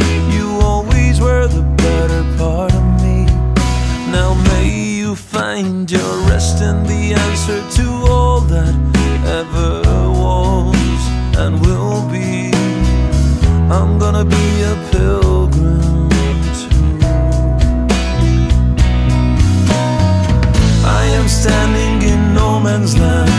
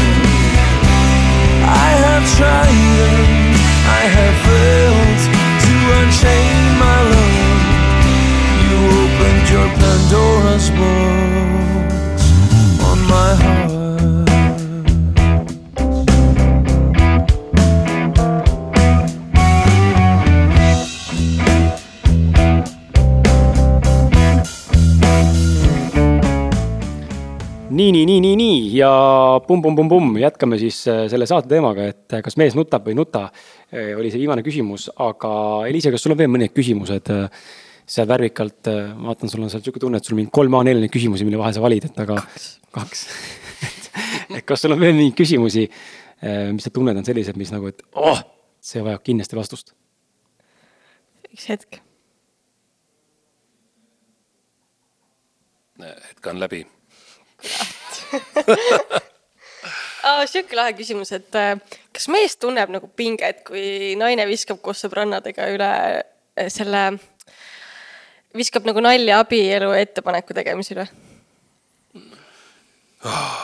Ma ei tea, kuidas teised mehed tunnevad, mul ei ole absoluutselt mitte mingit äh, pinget abielu või, või ettepanekutega või nii edasi, minu meelest on kõige üle elus võimalik äh, nalja teha. mulle meeldib tohutult huumor, mulle meeldib sarkasm, mulle meeldib iroonia. ma siiamaani viskan enda naisega näiteks nalja, et kui ta küsib, et no millest sa mult ausa naise teed, siis ma ütlen, no siis, kui sa mulle ettepaneku teed. on ju, selles mõttes, et ma olen, ma olen väga, väga huumorisõber, et mi- mind, mind võib-olla ei häiri äh, väga äh, elu tõsiste nähtuste üle äh, vimkade viskamine ma ei oska siin midagi lisada. ma ei ole abielu ettepanekut teinud veel. okei, Pole saanud ka. aga ma olen abielu ettepaneku teinud äh,, abielus olnud ja lahutanud ka. et võib-olla ma olen selles mõttes see äh,, kuidas ma siis ütlen, küüniline äh,, küüniline keskealine mees. jah, Äh, okei, selline küsimus on ka veel, et äh, mis on sinu kui mehe jaoks petmine? Mis on petmine mm.? põhimõtteliselt äh, ähm, mulle hästi, mul ei ole midagi selle, mul on kõik sõbrannad, põhimõtteliselt mu, mu, mu sõbrad on kõik sõbrannad, on ju. ja mul ei ole midagi selle vastu, kui äh, minu äh, naisel on äh, näiteks väga palju meessoost sõpru. Aga kõik äh, ettepanekud, kui meie oleme koos ja leppinud kokku, mina räägin alati suhte alguses ära kõik nagu piirid. räägin, et kui me oleme koos, kas siis me oleme monogaamsed, kuidas on flirdiga teiste inimestega, kuidas on lõunatel käimine äh, teiste inimestega, kes sind kutsuvad. ja minu jaoks on hästi lihtne Äh, kui mu naine käib professionaalselt lõunal ükskõik kellega, mul on täiesti savi, kes ta on. ta on mulle seda tõenäoliselt maininud, on ju, see on okei okay.. kui ma peaksin teada saama, et ta on minu selja taga käinud ükskõik millise mehega lõunal, kellest ta mulle ei ole rääkinud ja ma saaksin seda hiljem teada, siis ma tunnen, et usaldust on kuritarvitatud ja ma tõenäoliselt äh, jätaksin selle naise maha konkreetselt kui ta ütleb mulle enne selle mehega lõunale minekut, et, et kuule, et üks mees kutsus mind lõunale, onju, siis ma küsin alati, aga mis motiiv seal taga oli. kas see on professionaalne või li lihtsalt. ja siis ma ütlen, no aga kuidas sina tunneksid, kui üks ilus naine kutsub mind lihtsalt lõunale, kas sa tahaksid, et ma lähen või mitte? ja siis, kui naine vastab et no mul ei oleks midagi selle vastu, kui ta, kui sa läheksid, siis ma ütlen, aga minul selle vastu oleks, kui, kui sa oled minuga suhtes avalikult. ja me oleme selles kokku leppinud ja sa käid vahepeal vaatamas turul teist kaupa. nagu minu jaoks see ei ole lugupidav ja nii lihtne ongi selles mõttes, et ma, ma olen, ma olen selles vallas näiteks väga old school. et kui mu naine varjaks mu eest midagi, see tuleks välja, siis see ei pea olema füüsiline petmine selleks, et ma tunneksin, et mu usaldust on kuritarvitatud. ma väärtusan selleks liiga palju, et mingeid prügikalasid koju nagu tassida ja, ja loota, et kui inimene on, ta väärtused ei ole paigas ja ta ei oska pühenduda, et siis ma tahaksin temale enda armastust, enda energiat pühendada. tõmbaksin sealt lihtsalt lesta meil oli sama sarnane aru, arutelu ühe sõbrannaga siin mõned kuud tagasi, kus ta rääkis oma mehest, et äh, ta mees teeb selliseid asju vahepeal, et äh, satub nagu Messengeris või kuskil, no pigem Messengeris neti teel flirtima nagu vestluse sees mingite uute naistega nagu otsige kontakti ise. ta ei peta midagi, aga, aga vist isegi on teinud korra seda, aga, aga ma täpselt, täpselt detaili ei tea, aga ta ei tee seda nagu, ei peta selles mõttes eesmärk pole nagu voodisse viia, aga ta flirdib jutu sees niimoodi, et ta nagu üritab äratada naises, võõras naises enda vastu huvi, jättes nagu mulje, et oi kui hea mees ma olen, et kahju, et mul sind ei ole. umbes sihuke, sihuke mäng vaata nagu, et näitan, et ma olen ülikõva vend, et nüüd sa pead tundma naisena, et uh, seda meest ma tahaksin, aga ma ei saa vaata mm. -hmm. ja ma olen ise sama mängu mänginud eh, kunagi nooremana mingil põhjusel mm. -hmm. ma olen tabanud selle ära selle pealt, et ma ei ole nagu, ma ei taha suhtesse minna ega sebida, aga seal on mingi kas siis tähelepanu eh, vajaka enda suhtest mingis perioodis, eks ole, naine annab piisavalt tähelepanu või on mingi ebakindlus endasse tekkinud. ja nüüd ma otsin seda, üritan nagu enna, endale maha müüa, ma olen tegelikult ikka päris hea mees mm. -hmm. läbi selle ma mängin mingi mängu, tehes ennast huvitavaks täiesti võõra naise jaoks mm. -hmm. et saada seda välist kinnitust või nagu välist attention'it mm. -hmm. et äh, ja see, see minu jaoks on, on petmine juba. jah, just, See- see on emotsionaalne, see on emotsionaalne petmine Jaa. nagu ja, ja teine asi on see, et kui minu naisele tuleb, mõni mees teeb komplimendi ja mu naine tuleb, et tead, mulle saati täna lilled töö juurde, et äh, sa oled kõige naiselikum naine maailmas, onju. siis ma ütlen nagu jumal cool. loomulikult see teine mees märkas ka seda ja tegi sulle komplimendi. Et äh, selle vastu mul ei ole midagi, ma, ma ei arva, et nagu mehed on kõik ornitoloogid, no me ei suuda ühte lindu jälgida terve elu, onju, et me märkame teisi ägedaid äh, liike ka, onju. aga see olenebki, et mida sa selle teadmisega teed. kas sa saad lihtsalt inspireeritud naiselikust energiast ja tegelikult teostad ja äh, läbi armastuse valad selle välja enda naise peal, kogu selle tähelepanu, armsused ja naiselikkuse ja mehelikkuse oma naise peal või sa lähed nagu pillud ennast kogu aeg laiali, et oh, tšau Elisa, kui lähed päris lahe podcast, lähme lõunale. on ju, noh siis, siis seal on juba madalam instinkt lihtsalt juures, et et minul tehakse väga palju komplimente, mulle tuleb Instagrami kirju või pärast kontserti keegi tuleb juurde. ja kui keegi ütleb mulle, vau, sa oled maailma kõige ägedam mees, siis mulle meeldib olla see mees, kes ütleb, ma tean, mu naine ütleb seda mulle iga päev. Aitäh, aitäh sulle, väga armas, et ma ei ole nagu ülbe, ma võtan selle komplimendi vastu, aga sealt tuleb nagu see ette, et äh, ma olen pühendunud mm -hmm.. noh et see on minu jaoks oluline, kui, kui minu naine ei suudaks seda teha ja on nagu oh my god. nagu tuli see mees nagu nii ilus nagu. noh, ja ta räägib oma sõbrannadega näiteks minu eest varjatuna ja käib kellegagi lõunal, siis see ei ole loomulikult minu jaoks okei okay,, et ma. ma lihtsalt armastan ennast liiga palju selleks, et äh, lasta endaga nii käituda, nii lihtne see petmise ja nagu pet, petmise ja flirtimise üldse see teema nagu on tegelikult hästi piiripealne, inimesed on hästi erinevad, et mõni mõnele sobibki seal see, et reaalselt enam-vähem võib isegi süles istuda, on ju, ja see on ka okei okay,. ei no mõne jaoks on ka seks okei okay,, vaata, et peaasi, et sa enda partneri voodis on ju lõpetad. Et selles mõttes on hästi huvitav, et. Äh, lihtsalt inimesed peakski selgeks rääkima enda piirid ja arusaamised sellest, et see on väga oluline suhte osa, ei ole mõtet kolm aastat suhtes olla, siis tuleb välja, et teine mängib suvepäevadel kelle, kelle, kelle teisega on ju, siis, et aga me ei ole sellest rääkinud. see on ju lihtsalt suvepäevade sport. noh, et siis, siis noh, räägi, räägi, räägi lihtsalt algusest ära olulised teemad suhte, suhte, mis suhet puudutavad. või mida, Eliise? no mul on sihuke küsimus veel, et aga kuidas te tunneksite ennast näiteks siis, kui naisel siis vahet ei ole, kas juhtub mingi positiivne või negatiivne asi, aga kuidagi ta ei tule nagu teile esimesena sellest rääkima, vaid näiteks oma sõbrale? ei no selles mõttes, et mul ei ole seda armukadedust, et ma usun, et naine on piisavalt tark, et ta valib ise selle usaldusisiku, keda ta, kellele ta räägib midagi mul ei ole seda küsimust. mul on oluline see, et ta ei räägiks mind taga oma sõbrannadele, et ma tunnen, et ma pean iga õhtul luksuma, kui ta tüdrukutega välja läheb, on ju, et see on minu jaoks jälle lugupidamatu. mina võib-olla võin meestele, meestele enda sõpradele rääkida mõne sõnaga, aga see, et sa lahmid või ütled oma partneri kohta midagi halvasti, et see ei ole minule üldse lugupidav või, või kihvt, et see näitab lihtsalt, et sa oled ise loll, teinud halva valiku ja nüüd sa räägid, kui loll sa oled sõpradele, on ju. põhimõtteliselt, et ma ei tea minu jaoks hästi lihtne teema jälle, klaar. Kris? Äh, korda küsimust. et äh, kui naisel nagu juhtub midagi, vahet okay. ei ole, kas positiivne või negatiivne, et. ja, ja. et aga ta ei tule seda sinuga jagama, vaid kellegi teisega mm. -hmm. mul ei ole täna seda olukorda, ütlen ausalt, minu parim sõber on mu naine ja mu naise parim sõber olen mina, ükskõik kui klišeene see ei kõla ka, aga aga lihtsalt me oleme nii kokku kasvanud ja meil on tutvusringkond väga väike. minu okay., mul on sõpru väga vähe nagu sõpru, mind ei huvita need pealiskaudsed tuttavad, kes siin ümber on, kes mm. lõpuks selle noa selja võivad lüüa, et. et mul on nagu selles mõttes savi, et isegi kui ta oleks sõber, siis noh, nagu Margus ütleski, et ju siis, ju siis see inimene oli tol hetkel õige talle nõu andma. aga ma ei ole veel kogenud seda, et pigem, pigem me räägime üksteisega. jah, miks me peaks nagu oma partnerit kontrollima, et keda tema nüüd usaldada võib, vabadus on isegi kõrgem väärtus kui armastus, lihtsalt luba teisel olla selles seisnebki armastus, et sa aktsepteerid teist sellisena, nagu ta on. ma arvan, et see küsimus, äh, no ma saan aru, kuna sa suhtled enda vanuse inimestega, Eliise, mitte ja mitte üldse siinkohal nagu halvustavalt, et enda vanuse inimestega. aga kuna te olete noorem generatsioon, nooremad, ma olen ka kahekümne olnud ja Margus on kahekümne olnud, siis seal oligi rohkem armukadedust ja seal oligi rohkem sellist nagu pealiskaudset sellist umbes, et. ta rääkis sõbrale enne kui mulle, mida vittu nagu. ei. natuke nagu tunduvad vanemana pseudoprobleemid, täpselt nagu mõnele kuuekümne või seitsmekümne aastasel tundub pseudoprobleem see, et mu naine magas kellegi teisega mm. -hmm. So what nagu me oleme parimad sõbrad, elu läheb edasi, on ju, just. aga kahekümnesena sa oled nagu, mida helli. see on perspektiivi küsimus. absoluutselt. nii et küsi, küsi, kui sul on midagi küsida. okei okay,, sihuke küsimus, et äh, kuidas äh,, kuidas sa hoiad suhtes värskust ja excitement'i? Oh, Ferrari, kuldkellad, kallid reisid ja, ja äh, mina hoian suhtes värskust sellega, et ma hoian iseennast värskena ja inspireerituna ja äh, motiveerituna see on nii lihtne, kui mina liigun kogu aeg edasi, kuidas saab see suhte tiigivesi ka nagu selles mõttes äh, nagu jamaks minna. et äh, kui ma tegelen sellega, mida ma armastan, mul on uued väljakutsed, on ju, varsti tuleb saade, näed telesaade on ju. juba tuli kolmas raamat, äh, siis mul on üks huvitav salaprojekt veel käsil.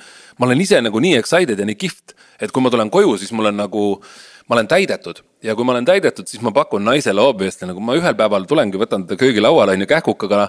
teisel päeval olen maailma kõige šarmantsem joonimassaaži guru on ju, kolmandal olen midagi muud, on ju. et, et see hoiab nagu suhte liikumises, et minu jaoks on lihtne, kui mees, kui, kui naine näiteks kommunikeerib mehele. et armas, mul on tõesti vaja õnnelikuks naiseks olemiseks seda, et vii mind välja siis ma küsin, kui tihti sa väljas tahaks käia, no üks kord kahe nädala jooksul vähemalt restoranis või kuskil. Siis ma lihtsalt nagu, kui dumb fuck peab mees olema, et ta ei pane seda endale nii. ükskord kahe nädala jooksul viin ma oma naise välja, mul on graafik sihuke, siia õhtule panen ma date night ja kahe nädala pärast panen ka date night. no kui naine sulle midagi kommunikeerib, lihtsalt fucking do it nagu. nagu oled sa nagu noh, lauajalg, et sul peab seitse korda asja rääkima, sellepärast ma imestangi, et nagu. et minule piisab, kui naine mulle ühe asja ütleb, kuule Margus, et sa võiksid sellega rohkem arvestada siis ma nagu suhtun temasse lugupidavalt, mõtlen selle peale hmm,, kuidas ma olen siiani käitunud, kas ma võiksin, ma teen seda ja tulevikus ta ei pea seda mulle enamasti uuesti ütlema ainuke, mida ta mulle uuesti ütlema peab äh, enamasti on see, et kuule, kas sa viitsiks ka ta nõud ära pesta, mul on okei okay., on ju. aga printsi-, printsipiaalsemates küsimustes ma võtan väga tõsiselt, mida naine mulle kommunikeerib.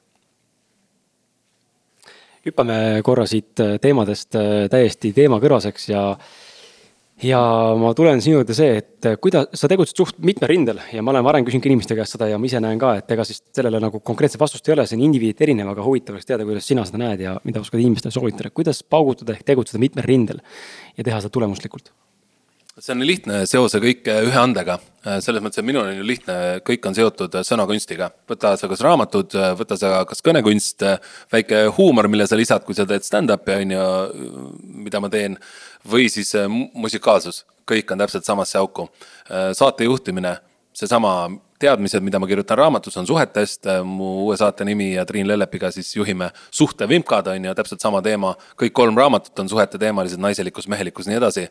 Et kui sul on mingid teatud anded, siis ma ei tea, kui ma investeerimismaailma hüppaksin raudselt failiksin kolinal on ju, ma lihtsalt ei topi oma nina sinna, milles mul ei ole eksper-, noh, expertise nagu, kui mul ei ole seal teadmisi selles et siis on nii lihtne teha, kui need on seotud. varsti tuleb kindlasti koduleht ja siis tuleb äh, mingi online äh, noh, potentsiaalselt on ju mingi online äh, konsultatsioonid, siis hakkan life coach'iks kunagi võib-olla, never know, kuhu see välja viib. et tegelikult mul juba on väike aspekt, kuhu see välja viib, aga kõik on seotud. aga kuidas on tulnud need kõik asjad, et praegu võtamegi sinu näite selle, et sul on see häälega nii-öelda siis tehtud, tulnud erinevad valikud, kuidas need asjad sinuni on jõudnud, kas ise otsid või need lihtsalt tulevad kuidagi mingi moodi väliselt justkui nii-öelda. okei okay,, hästi lihtne kirjeldus. Äh, olin viisteist, polnud elus kitarri kätte võtnud veel, teadsin, et minust saab laulja. Äh, ma ei tea, kuidas, teadsin, et enne kolmekümnendat eluaastat annan välja äh, viis albumit, jõudsin neli anda kusjuures.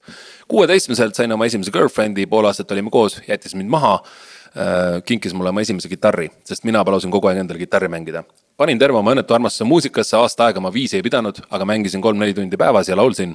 lõpuks hakkasin äh, sõna kuulama, häälepaelad on ju, muusikat ma ei ole kunagi õppinud, lihtsalt läksin kuidagi ühe väga ägeda juhendaja juurde, Ursula, Ursula Oja juurde, olin pool aastat vist tema juures äh, natukene hääle seades.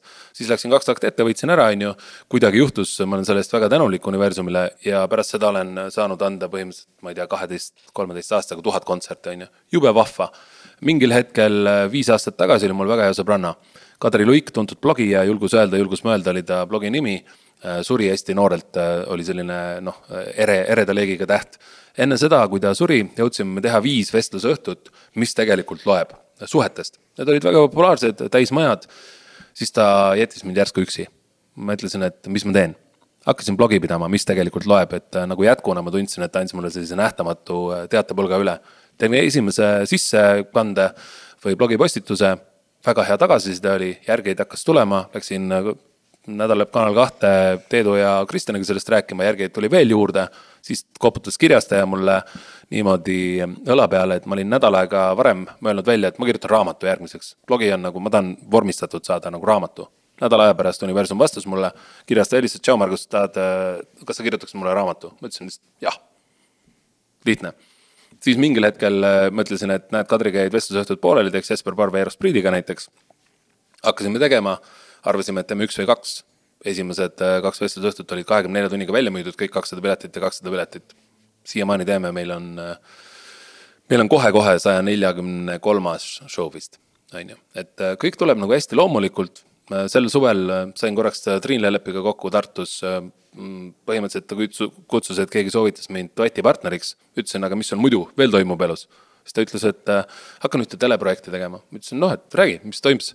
Rääkis oma projekti ära, ma ütlesin, kuule, aga suht jama mõte ju, et tee parem ägedam. Äh, pakkusin talle ühe asja välja, siis ta ütles mmm,, see on tõesti päris lahe. rääkisime veerand tundi sellest, ta ütles, et kas te teeksite minuga koos. ütlesin davai, tegin pilootprojekti valmis, läksime, pakkusime Kanal kahele. Kanal kaks ütles way to go, tehke meile kuus osa, noh ja nii, nii lihtsalt ta lähebki, et sa lihtsalt äh, tekitad endale võimalusi ja kõik on samas teemas. kõik on vahva, lihtsalt lustid, sa põhimõtteliselt lustid ja sa saad seda teha tööna. elu on lill. küsisin, aitäh sulle, ma küsisin seda sellepärast, et äh, Eliise näeks jälle läbi täiesti äh, ütleme, Margus ei ole tuntud kui spirituaalne inimene selle koha pealt, et meil on siin saates käinud spirituaalseid inimesi. aga see jutt, mis sa praegu räägid, on see, mida mina enda elus olen näinud ja mida ma täna saan aru üha rohkem, kuidas teadlikumalt seda praktiseerida ja seda enda ellu nagu rakendada mm. -hmm.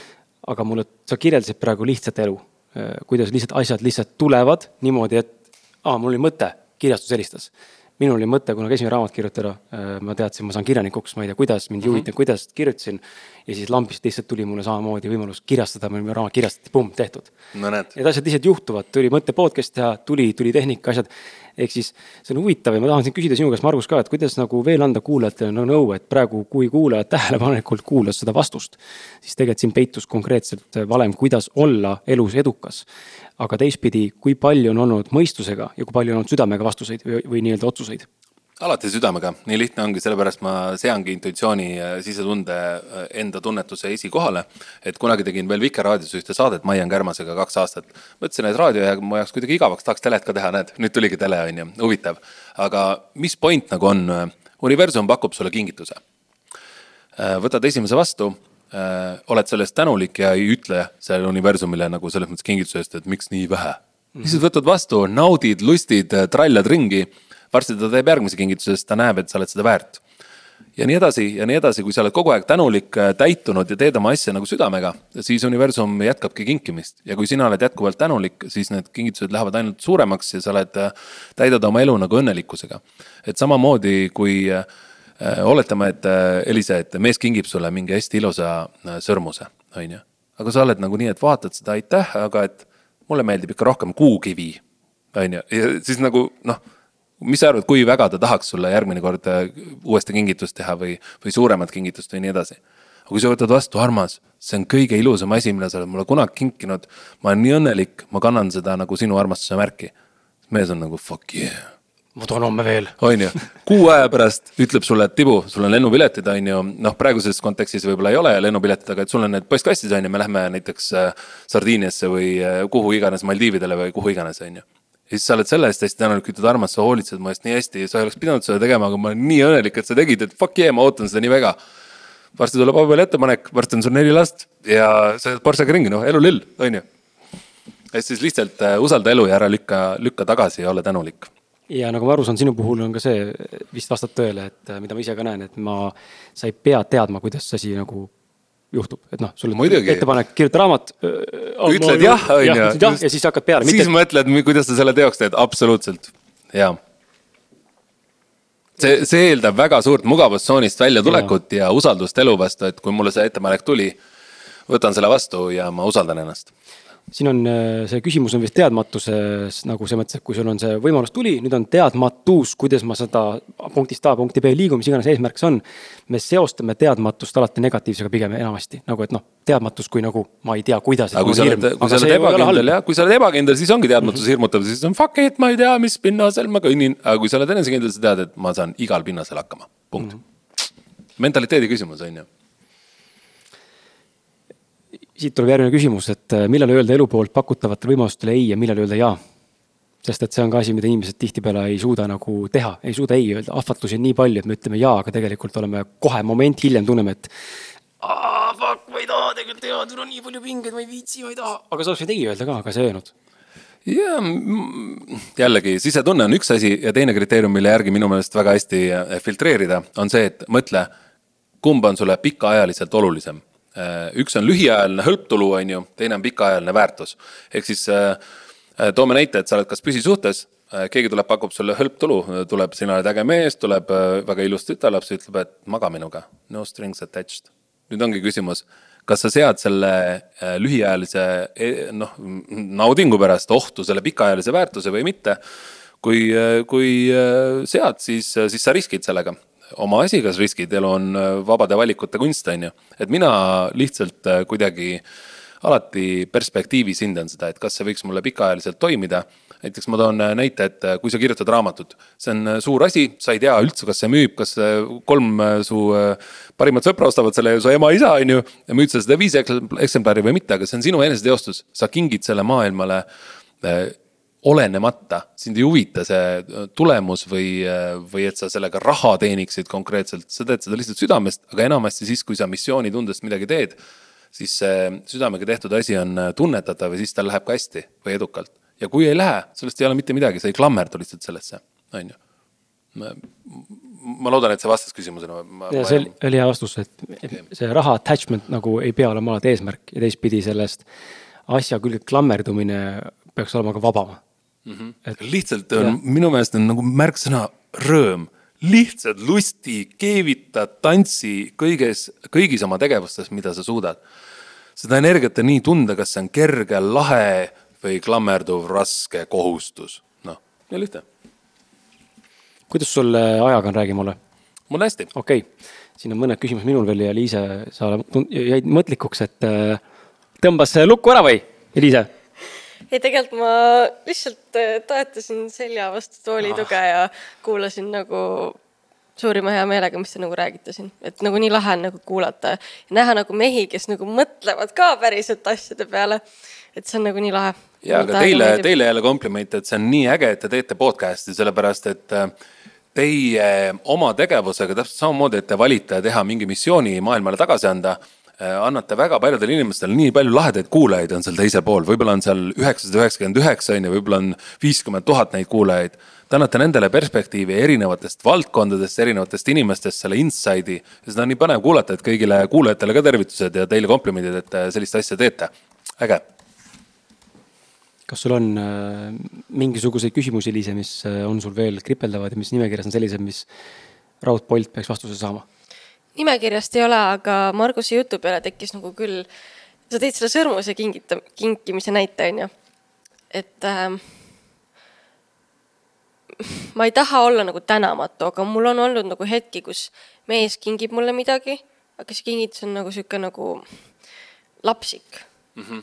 ja siis ma nagu ei oska nagu, tahaks öelda, et aa, nii tore, aitäh sulle, aga päriselt ma olen nagu noh, et kas nagu, et kas sa siis nagu ei üritanudki nagu rohkemat või kuidagi, et, et siis ma ei oska nagu üldse käituda sellises nagu olukorras. aga nagu too näide, millal ta sulle kinkis Taina rulli või nagu mi, mi, mi, mida ma arvan, ma ei taha neid nagu tuua seda näidet siis on väga raske sulle. ma ei oska, nagu jah, ma ei tea. jaa, aga sa võid ju vabalt öelda mehele nagu tagasiside, et tead, aitäh selle Taino rulli eest, on ju, et see on tõsiselt šef ja ma saan sulle piparkokke teha jõulude ajal, on ju. aga äh, tead, kui ma nüüd päris aus olen, et siis äh, mul on võib-olla isegi olulisemad sellised südamega tehtud kingitused, mis ei ole niivõrd materiaalsed või mingid esemed, vaid et mulle meeldiks võib-olla, et sa kirjutaksid mulle või noh, kingiksid mulle midagi, mille sa ise oled teinud, meisterdanud või mingi sõnumiga asja või noh, et a la T-särgi, et kirjaga underneath your clothes there is an endless story on ju, kui a la nagu tsiteerida Shakira või kelle iganes lugu see oli.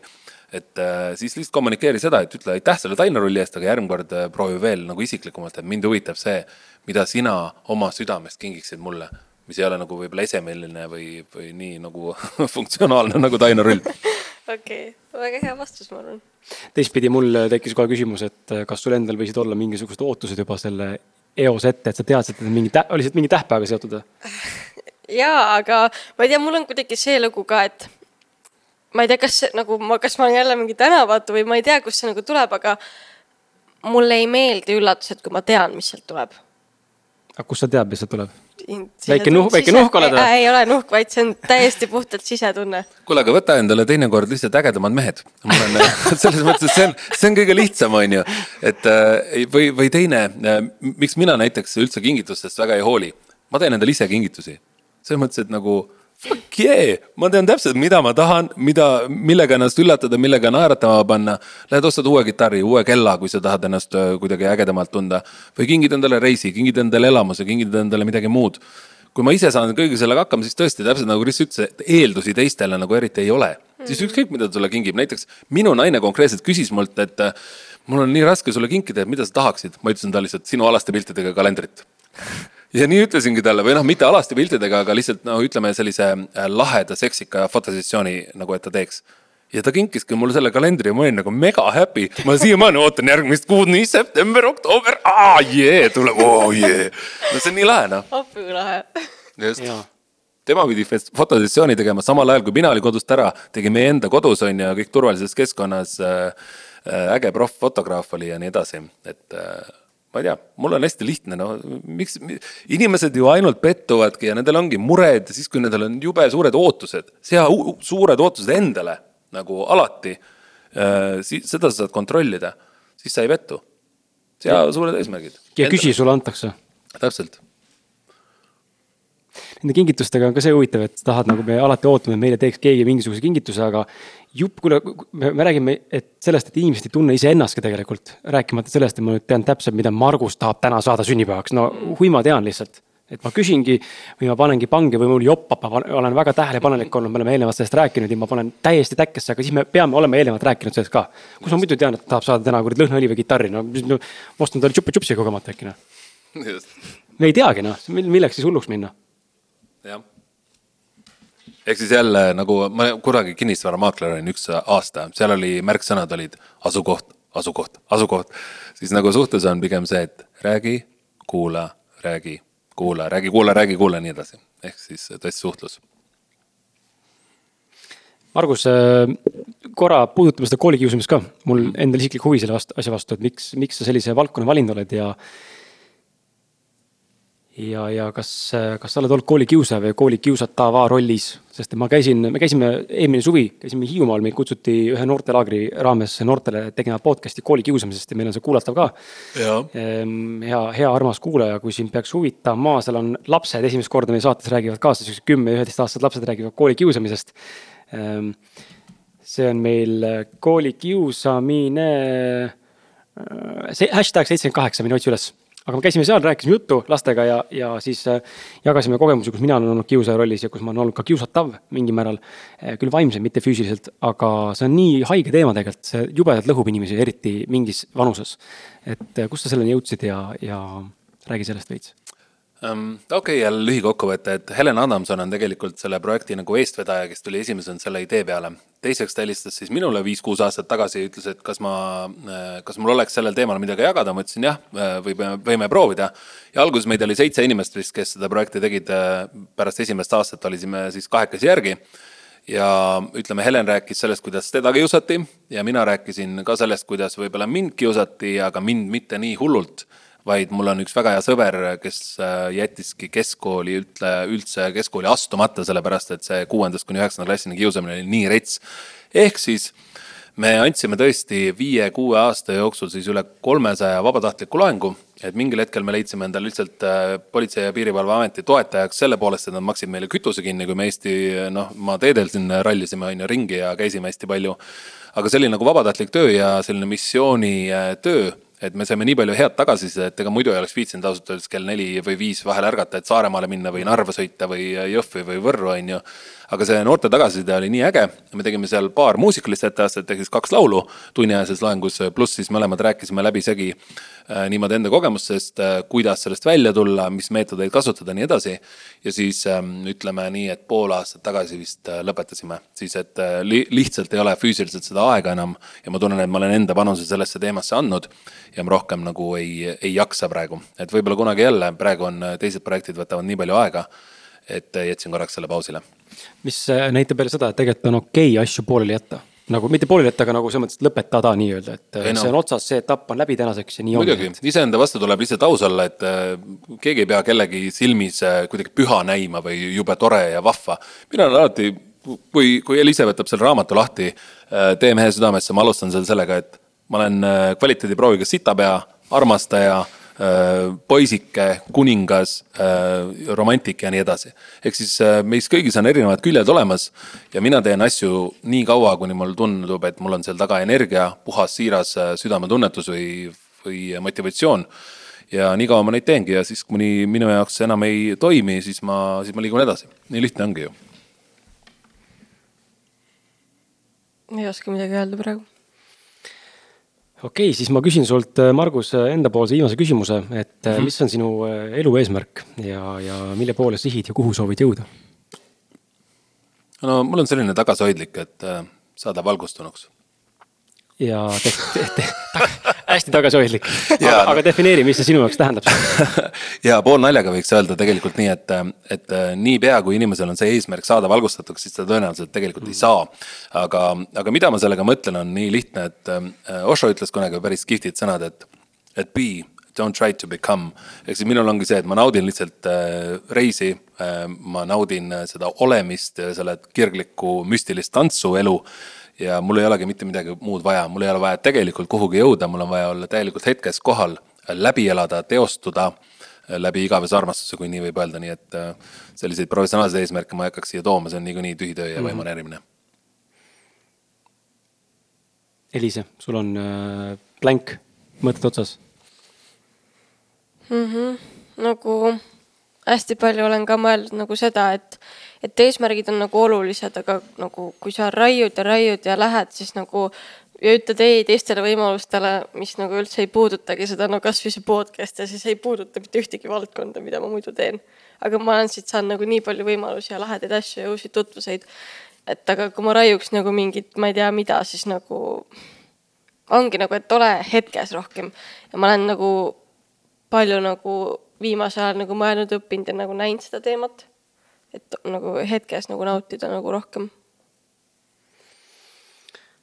Äh, aga hakkame siis kokku tõmbama otsi. Margus, äh, räägi palun, ähm, kust äh, sind leiab sotsiaalmeedialehtedest või, või see on nüüd see koht, kus sa saad öelda, et tere ema, ma olen televiisoris ja raadios, et reklaami ennast. see on sinu reklaam, reklaami, mida tahad ja kes soovib mul Instagramis silm peal hoida, siis lihtsalt Margus Vaher leiab mu kasutaja üles. samamoodi kui keegi soovib mu blogi vaadata, et ei ole veel kindel, kas ta sooviks näiteks minu raamatut või minust rohkem teada saada, siis mu blogi lehel Facebookis äh, otsingus, mis tegelikult loeb ja seal on siis äh, äh, nii meie event'ide info, mida mehed naistele ei räägi, mis on selline stand-up ja lisaks minu artiklid siis erinevatel teemadel ka, mis puudutab alates sellest, kuidas armastada naist, kuidas armastada meest, kuidas kõige paremini positiivsemal moel mõjutada oma partnereid ja, ja kuidas inimsuhted on minu meelest nagu elu põhiväärtus, need korras ja harmoonilisena hoida ja siis kahekümne kolmandast oktoobrist saab äh, minu ja Triin Lellepi saadet äh, Suhte vimkand näha siis reede õhtuti äh, umbes seal kahekümne, kahekümne, kolmekümne ajal. seda mulle väga meeldis teha, see on päris lustlik ja kihvt, räägime Eesti vippidega põhimõtteliselt erinevatel teemadel, nagu näiteks kohtingu ämbrid, voodi fail'id, nii edasi mm, -hmm. kõik räägivad oma lugusid, väga vahva on, pani mind ka punastama, nii et. et päris lahe on jah, ja siis, kes on mu varasemaid raamatuid lugenud, siis kolmas on jah, kohe-kohe nüüd välja tulemas, peaks olema üle Eesti laiali.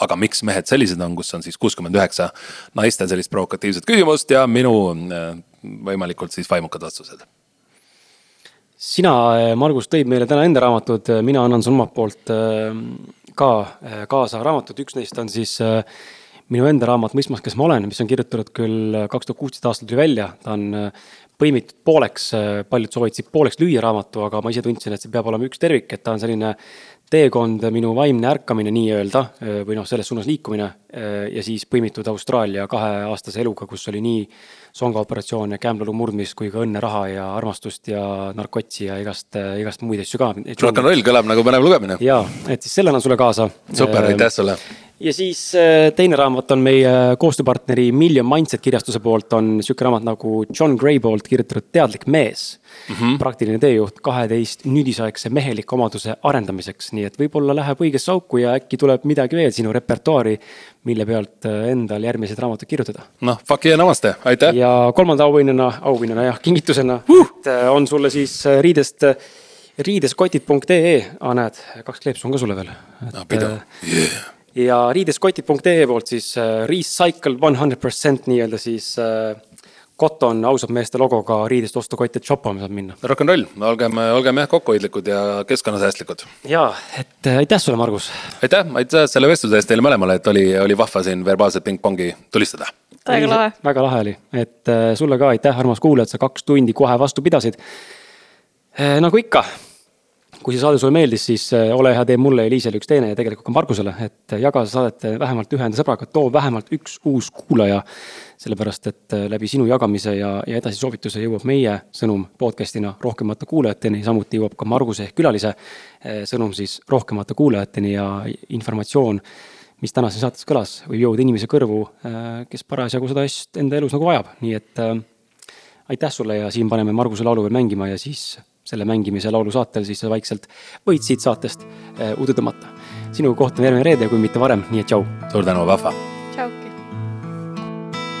salaja saabus me kohtumistund, naeratus ulatas südamelund. su puudutus muutis kõik ollu nii pronksis sai kuld, ilmsime näeme, tunnete und, armastus ilmas, me puutes saab tuld. valguses, varjudes, vaikuses üksteist hoiame tunnetest, armsatest silmadest ei küllalt meil saa. lenda nüüd, lenda nüüd, lenda nüüd, kuhu tiivad viivad. Valguses, varjudes, vaikuses on üks saladus, mida teised ei tea? Me tiibades varju on ühine lend, loojat ma palun, et hoiaks ta sind. muutus kõik olnu nii pronksis sai kuld, ilmsime näeme, tunnete und, armastus kannab meid.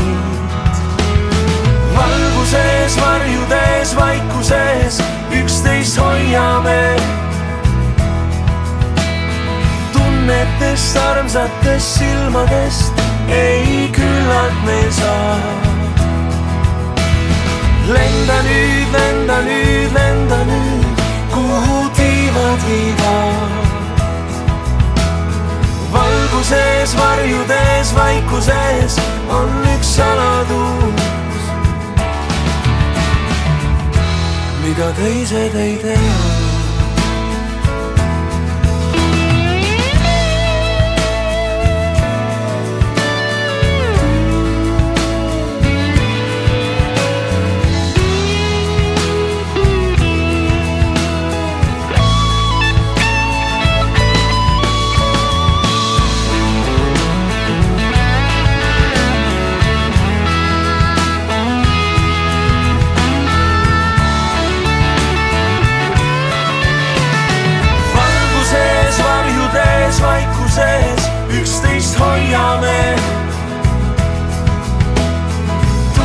tunnetest, armsatest silmadest ei küllalt me saa. lenda nüüd, lenda nüüd, lenda nüüd, kuhu tiivad viivad. valguses, varjudes, vaikuses on üks saladus mida teised ei tea. Tiibades varjul on ühine lend, loojat ma palun, et hoiaks ta sind.